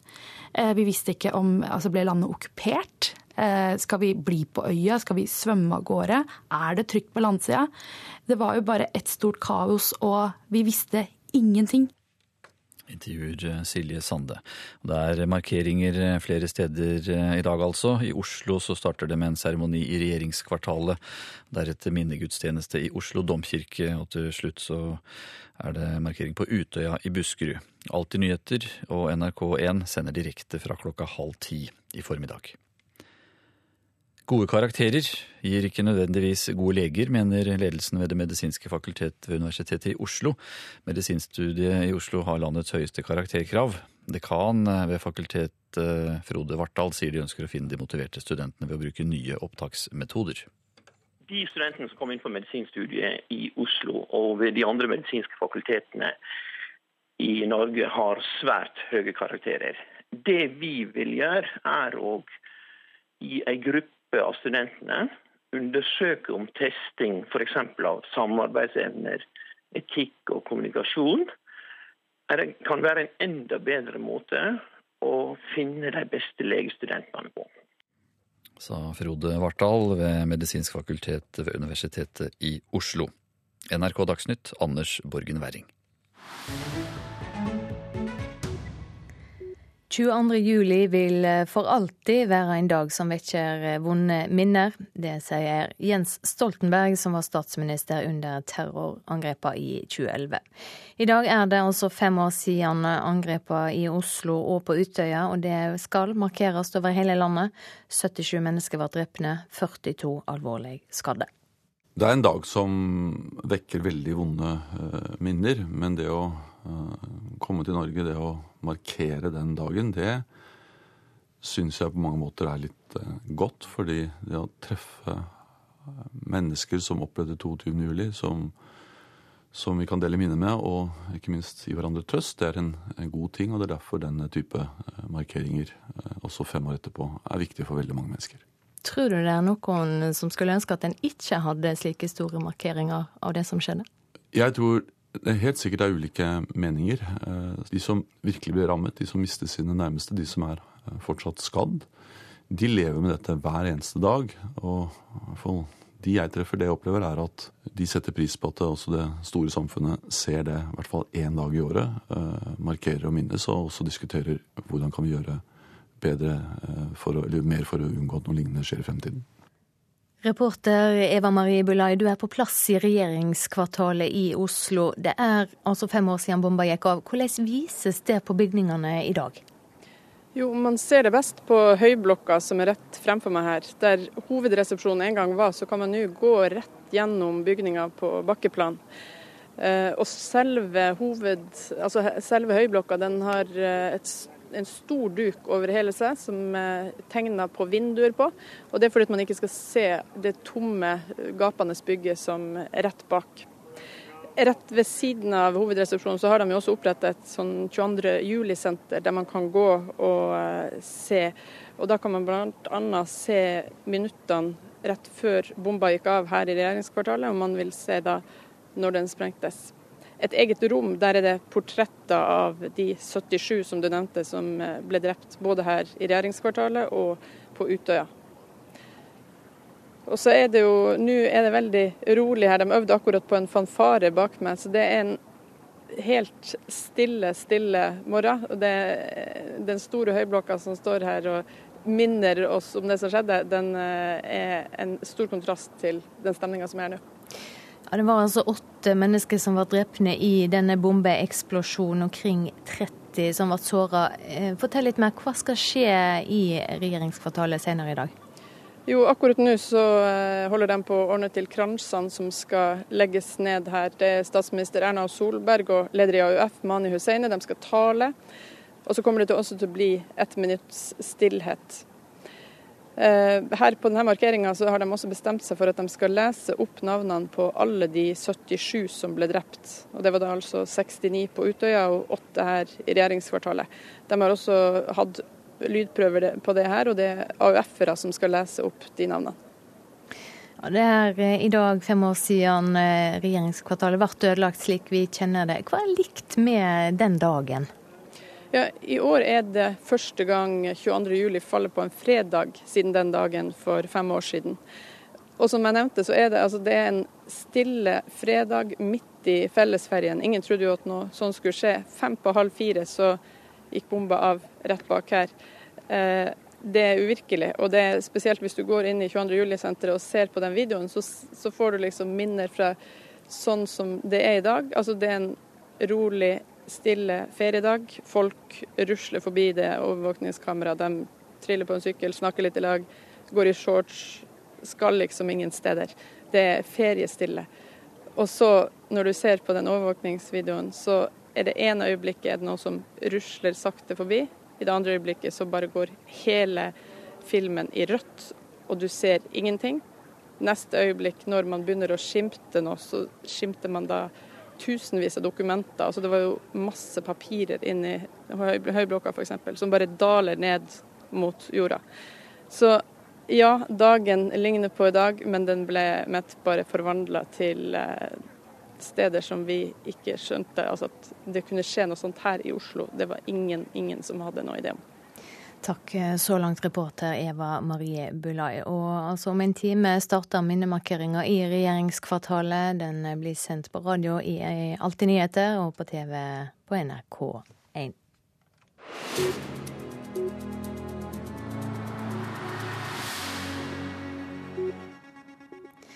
Det var mange oppattakinger da Donald Trump talte på republikanerne sitt landsmøte i USA i natt. Trump takka velgerne for nominasjonen med å holde en av de lengste talene i amerikansk landsmøtehistorie. Og jubel i Cleveland var stor, forteller vår USA-korrespondent Tove Bjørgaas. Han lød som en president og fikk en voldsom positiv mottagelse nede på gulvet i salen der jeg sto, hvor folk jublet og avbrøt ham. Og alle vi snakket med etterpå syntes at dette hadde vært en god tale, alle tilhengerne hans. Klarte han å samle partiet bak seg?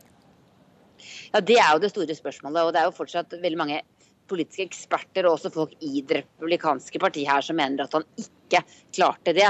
Det var ikke så mye nytt i denne talen. Men han var altså veldig opptatt av, som vi hørte i innslaget, å snakke om lov og orden. Han snakket mye om disse politiet drapene som har vært i det siste, og de to store terrorangrepene mot USA, det eh, i, Orlando og det i California før jul i fjor, og hvordan han skal få slutt på, på det. og Han snakket om kampen mot innvandring, eh, kjente temaer. Eh, men alle disse temaene knyttet han sammen til å snakke om kampen mot Hillary Clinton. Og det er jo først og fremst det som samler det republikanske partiet, og som har samlet dem her på dette landsmøtet. Vil du si at eh, Trump var eh, kontroversiell i denne talen? Mindre kontroversiell, vil jeg si, enn en, han, han, pleier å være. En, det var ingen store bomber her. Han sa ikke at alle muslimer skal uh, nektes adgang til USA. Uh, han sa bare at, at radikaliserte uh, muslimer ikke skal få komme inn. og han var mer forsiktig med språkbruken og lød altså mer som en eh, som en presidentkandidat. Eh, og, og, det at talen var sted på forhånd Det pleier å være slik med Trump at når han, eh, når han bruker et manus, så, så, er det også mindre eh, ja, sterke uttalelser. Eh, men, men han, han, han, var jo innom alle de, de samme temaene, og, og også veldig opptatt av dette med, med styrke. Og også at, at, amerikanerne skal komme først, og at man ikke nødvendigvis skal hjelpe alle andre land i verden vi diskuterte jo i går etter med at han ønsker å f.eks. kutte finansieringen til Nato, og ikke nødvendigvis hjelpe Nato-allierte, eh, selv om han er i samme allianse. Ja, Vi hørte at Hillary Clinton fikk gjennomgå. Har Det demokratiske partiet reagert på denne talen? ja, de sier jo at det ikke er så mye nytt her, eh, og gleder seg til sitt eget landsmøte som begynner i Philadelphia på mandag. Men, men det som er en, en tilfelle med altså Hillary Clinton sendte en Twitter-melding hvor hun bare skriver at vi er bedre enn dette. Eh, og Trump avsluttet også talen med et spark til henne der han brukte et av hennes slagord. Mange Hillary-supportere sier at eh, at de, de står jeg, jeg, jeg, er med henne, mens, han, mens Donald Trump sier at jeg er med dere. Jeg står med dere amerikanere, jeg vil kjempe for dere. Mens han mener Hillary Clinton vil kjempe for seg selv. Og, og det, er, det, er, dette som kommer til å bli den store kampen mellom de to. Og hun er jo også svært upopulær, også blant mange amerikanere på midten i politikken, Hillary Clinton. Og det er det som, som Trump må kjøre på, og som kommer til å samle dette partiet til, til slutt. Så skal vi høre at gode karakterer ikke nødvendigvis gir gode leger. Det mener ledelsen ved Det medisinske fakultetet ved Universitetet i Oslo. Medisins, medisinstudiet i Oslo har det høyeste karakterkravet i landet. Dekan ved fakultetet, Frode Vartdal, sier de ønsker å finne de motiverte studentene ved å bruke nye opptaksmetoder. Det vi vil gjøre, er å gi en gruppe av studentene undersøke om testing f.eks. av samarbeidsevner, etikk og kommunikasjon kan være en enda bedre måte å finne de beste legestudentene på. Danmark, Sverige og Australia har allerede forsøkt en ordning med miniintervjuer og andre tester. Vi har sett fra andre studiesteder i andre land at dette er en metode som eh, antageligvis kan identifisere studenter som er enda mer motiverte for medisinstudiet. Studentene som blir plukket ut skal følges opp og sammenlignes med dem som kom inn kun basert på karakterer. Både i studieløpet og i arbeidslivet. For å se om at det, eh, prestasjoner eh, og utvikling, eh, motivasjon for eh, videre arbeid i yrket, er forskjellig. En slik ordning er et ønske fra ledelsen ved Fakultetet i Oslo. Det må planlegges og godkjennes før det eventuelt trer i kraft. Vi eh, jobber med å utrede det praktiske gjennomføringen eh, i dette. Vi vil jobbe mot, sammen mot de andre universitetene som har testet dette. Eh, dessuten så må vi ha en godkjenning fra departementet. Reporter Anna Rydland Nærum. Du hører på Nyhetsmorgen. Femårsdagen etter terroren 22.07 blir markert over hele landet. Det er en veldig trist dag, sier statsminister Erna Solberg, som skal delta på minnemarkeringa i regjeringskvartalet om en liten time. USA blir tryggere med meg som sjef, det sa Donald Trump på landsmøtet til republikanerne i natt. Og Olympiatoppen har saumfart journaler for å finne ut om flere idrettsutøvere risikerer lignende straff som Martin Jonsrud Sundby. Næringsminister Monica Mæland burde ha sjekka habiliteten sin før hun utnevnte Toril Vidvei som ny styreleder i Statkraft. Det mener professor i offentlig rett Eivind Smith. Vidvei sa i går til NRK at de to har fått et nært tilhøve etter mange år sammen i politikken. Smith er klar på at næringsministeren burde ha sørga for ei habilitetsvurdering. Altså Hun burde ha vurdert sin habilitet. Det er en antenne som eh, statsråder alltid bør ha eh, påtent. Eh, og hvis det er riktig, som Vidvei sier, at de er nære venner, så burde svaret være nokså klart. Da er hun inhabil, og hun skulle ha trukket seg fra å treffe avgjørelser i, i, denne saken. For tre uker siden ble styrelederen i Statkraft, den erfarne næringslivsmannen Olav Fjell, avsatt. Begrunnelsen var ifølge Fjell at Mæland ønsket en ny profil. Jeg fikk beskjed ei veke før om at jeg kom til å bli bytta ut. Mæland ønska en styreleder med en annen profil. Næringsminister Monica Mæland utnevnte i stedet sin partifelle Toril Vidvei til ny styreleder. Ifølge flere personer tett på de to, er de tidligere statsrådkollegene i dag gode venninner. Det bekreftes også av Vidvei. Vervet er et av de best betalte i staten, men Mæland forstår ikke at utnevnelsen kan framstå som en vennetjeneste. Og hun er helt klar på at forholdet mellom de to ikke rammes av habilitetsreglene. Dette er ikke en relasjon som dekkes av forvaltningslovens regler for habilitet, eller i nærheten av grensen har for det. Har du fått noen Hvis... andre til å vurdere det enn deg selv? Hvis jeg var i tvil om det, så er det vanlig å kontakte Lovavdelingen i Justisdepartementet. Slik tvil var det ikke i denne saken, og derfor har de ikke vært kontaktet. Leder i næringskomiteen på Stortinget, Geir Pollestad fra Senterpartiet, understreker at han ikke vet hvor nært personlig forhold det er mellom de to.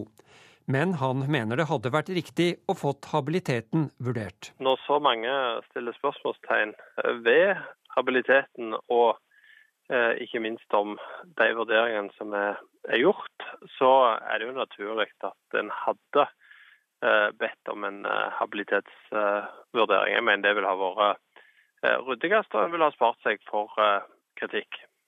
Reporter Tom Ingebrigtsen. 140 ansatte i selskapet Aviator på Moss lufthavn Rygge er nå sagt opp. Lufthavna stenger etter planen 1.11, samtidig som flyselskapet Ryanair legger ned sin base på Rygge. Oppsiginga har vært tøff å svelge for mange, sier tillitsvalgt i Aviator, Iselin Blakkestad. Det er eh, tøft. Det er eh, det endelige beviset på at all jobben vi har gjort, det er rett og slett forgjeves. Du merker det på stemninga, og du merker at man vil så gjerne ikke vise noe og gjøre så god jobb som man kan. Eh, men det er ikke bare bare å holde en sånn en ting skjult heller. Men samtidig for oss som da mottok jo for over en uke siden liksom fått tygd litt på det, så begynner galgenhumoren rett og slett å henge litt løsere igjen. I terminalbygget på Rygge er det full ferietrafikk nå i juli. Passasjerer kommer eller reiser med Ryanairs fly til destinasjoner rundt om i Europa. For de ansatte er det spesielle dager. I forrige uke kom de første oppsigelsene i Aviator, som har rundt 140 i jobb på Rygge. De sørger for tjenester inne i terminalen, med bagasjehåndteringen og ute på oppstillingsplassene der Rainers fem basefly skal ha oppmerksomhet. Selv jobber Iselin Blakkestad i informasjonskranken rett ved hovedinngangen. Dere har jo dere har håpet i det lengste at dette skulle kunne bære? Ja, det har vi. Og det er, det er fremdeles eh, mange på huset her som går og sier at nei, men det kommer snart en tvist. Det kommer snart et eller annet som gjør at ja, vi får fortsette. Men det at man får en oppsigelse, det, det er på et vis et endelig, en endelig slutt. Rett ved er det en skranke der Nav snart skal ha fast tilhold to ganger i uka, for å gi hjelp til lufthavnsansatte som jakter på noe annet å gjøre. Ken Olsen i Nav Rygge er en av de som skal bemanne denne skranken. Han tror det er gode muligheter for de som jobber på Rygge. Kanskje på Gardermoen eller på Torp for de som kan flytte på seg. Eller i næringslivet i Mosseregionen. Eh, Rygge flyplass er jo en eh, hva skal jeg si, kall en ung arbeidsgiver. De har ikke vært her så lenge. Eh, og det er mye unge arbeidstagere. Og det er klart, i forhold til det å være kanskje litt mer mobil, være villig til å se utafor kommunen, utafor fylket etter nye jobber, er nok i større grad her enn det jeg kanskje opplever ved en del andre bedrifter som vi har vært med å, å måtte eh, nedlegge. Så jeg vil si at eh, det er et eh, positivt trekk. Og det er klart, det er ikke mange år siden disse menneskene søkte på disse jobbene i sterk konkurranse med andre og fikk disse jobbene. Så det er klart de har god kompetanse, og de har mye selvfølgelig spisskompetanse i forhold til det å jobbe på flyplass. Reporter Lars Håkon Pedersen.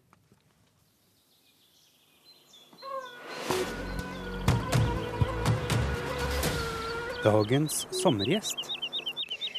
Journalist og forfatter Oda Rygg har skrevet boka 'Når livet er kjipt', ei håndbok for unge folk. Målet er mellom annet å gi folk med depresjoner en struktur å bygge hverdagen rundt. Og i dag er du vår sommergjest. Velkommen, Oda Rygg. Tusen takk.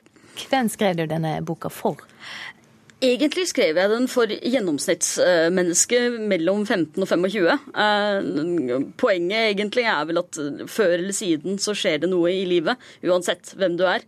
Eh, og den første gangen den store dumpen kommer i livet, så er man ikke fullt så forberedt som man kanskje er senere. Så dette her er en eh, guide til den første gangen. Mm.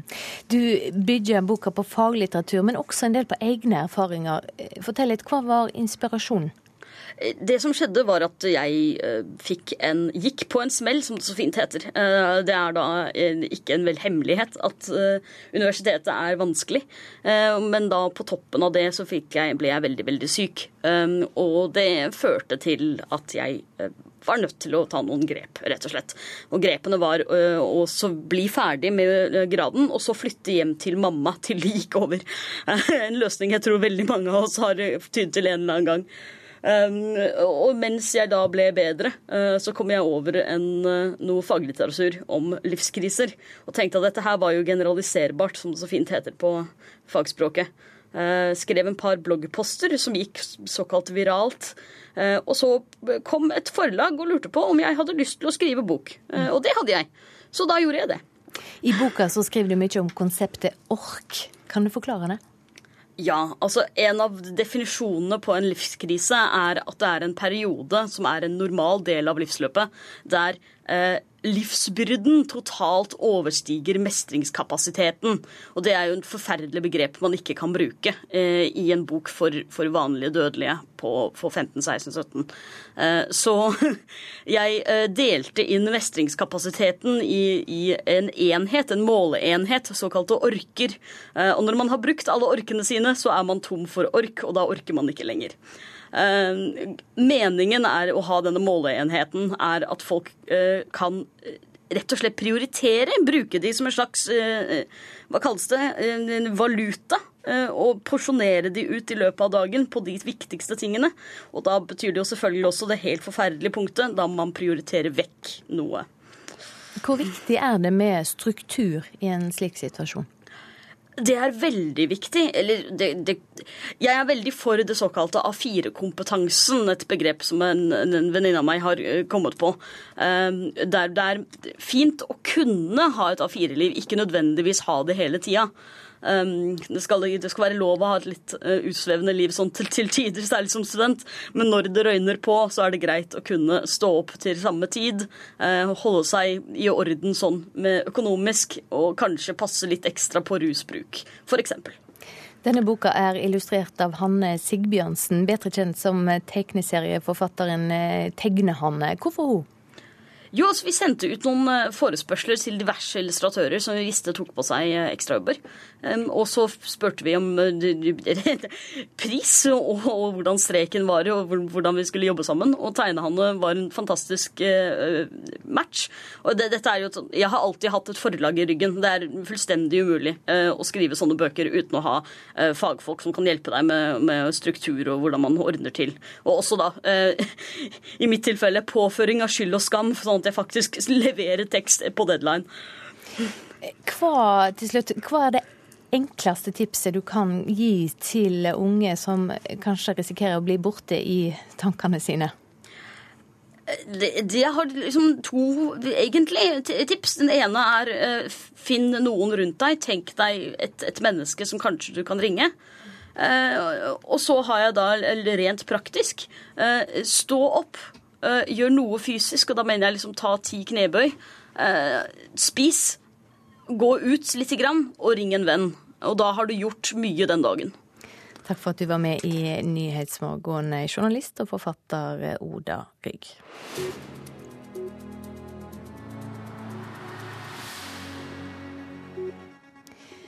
Olympiatoppen har gått igjennom samtlige journaler for å finne ut om det er flere enn Martin Jonsrud Sundby som eh, kan risikere å få en lignende straff. Det forteller sjeflege Roald Barr. Så har vi da gjennomgått journalene til alle eh, astmautøvere, og da fått verifisert at det ikke er noen som har fått foreskrevet behandling som vil være i strid med den regelfortolkningen som nå ligger til grunn i perioden før 2015, heller fra 1.1.2012 og fram til 2015. Det sier sjefslege på Olympiatoppen, Roald Barr. Denne medisinen ble lovlig i 2012, men reglene for dosering når man bruker såkalte forstøverapparat, har altså vært feiltolket av Skiforbundet. Jonsrud Sundby fikk i seg så store mengder pga. alvorligheten av hans sykdom. Olympiatoppen sa i går at de ikke hadde nølt med å gi samme dosering hvis andre utøvere hadde vært like syke. Heldigvis har de ikke funnet eksempler på det, og nå er det slutt på slik medisinering. Det er selvfølgelig ingen utøvere hos oss som har fått salbutamolbehandling på, uh, på forstøvere, eller fått foreskrevet slik behandling på forstøverapparat etter at vi ble kjent med saken. Reporter Halvor Ekeland. Statsmeteorolog Terje Alsvik Vallø på plass i studio. I går var det mange som fikk oppleve skikkelig sommer. Ja, det var jo årets hittils varmeste dag i Norge. Vi var jo nesten like varmt 3. juni i Drammen hvor det var 31,5, men i går så greide vi å komme opp til 32 grader i Brusdalsvatnet, som ligger på Sunnmøre, ikke så langt utenfor, Ålesund.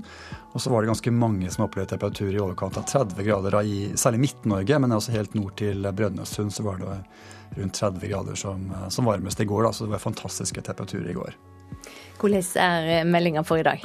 Det er litt, eh, litt dystrere meldinger for de som hadde det varmest i går. Sånn som Sunnmøre og Vestlandet sør for Stad og sånn har ikke så høy temperatur i dag. Det er en kaldfront som har passert.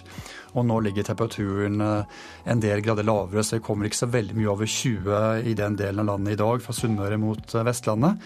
Men i dag så er det nok Nord-Norge som får det aller høyeste temperaturene. Kanskje særlig indre strøk av Nordland og Troms mellom 25 og 30 som dagens maksimumstemperatur.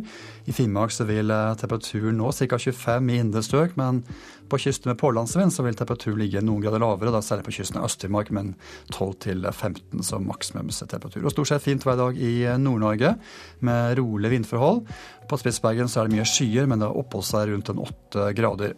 Og så er det bygevær da, på Vestlandet og opp mot Trondheimsfjorden ca. På nordsiden av Trondheimsfjorden blir det lite eller ingenting. Og har vel temperaturen også ligget på en sånn rundt 20 eller overkant av 20 i indre strøk og litt under 20 i ytre strøk. Det er liksom litt vind fra havet som holder temperaturen litt nede der. Østafjells dag så blir det ikke så aller verst. Periode med sol, men det blir litt mer skyer på himmelen enn det det var i går. Og så forekommer også her noen lokale byger, særlig i indre strøk, og da særlig ettermiddagstimene. Det kan også være fare for torden enkelte steder. Så ja, sommer er det, men ikke så fint som i går i sør, mens det blir bedre enn det var i går i nord. Så er det fredag i dag, og vi må se litt framover. Hva kan vi vente oss eh, i helga? Jeg får beholde den varme luften over oss eh, frem til starten av neste uke. Så blir det sommerlige og fine temperaturer mange steder i landet. Men i nord så vil nok temperaturen gå litt ned utover i helgen. Mens f.eks. Østafjell så vil nok den varmeste dagen være søndag eller mandag. Så ja, sommer er det absolutt også i helgen. men det er særlig her østafjells kanskje at du får den aller høyeste temperaturen i helgen, men mange får opp temperaturer på godt opp på 20-tallet både lørdag og søndag. Så det blir eh, fortsatt sommer i Norge. Det har liksom vært litt av alt denne sommeren? Det har det. Det har vært kjølige perioder som har vært litt frustrerende. Og så har det vært også varme perioder, så snittet hittil har vært ganske normalt, egentlig. Når du ser på juli så langt, så har det vært ganske normale forhold med både kjølige og, og varme perioder. Takk skal du ha, statsmeteorolog Terje Alsvik Valle. Ansvarlig for sendingene denne morgenen, Arild Svalbjørg. Produsent Marte Halsør. Tekniker Frode Thorshaug. Her i studio, Silje Sande.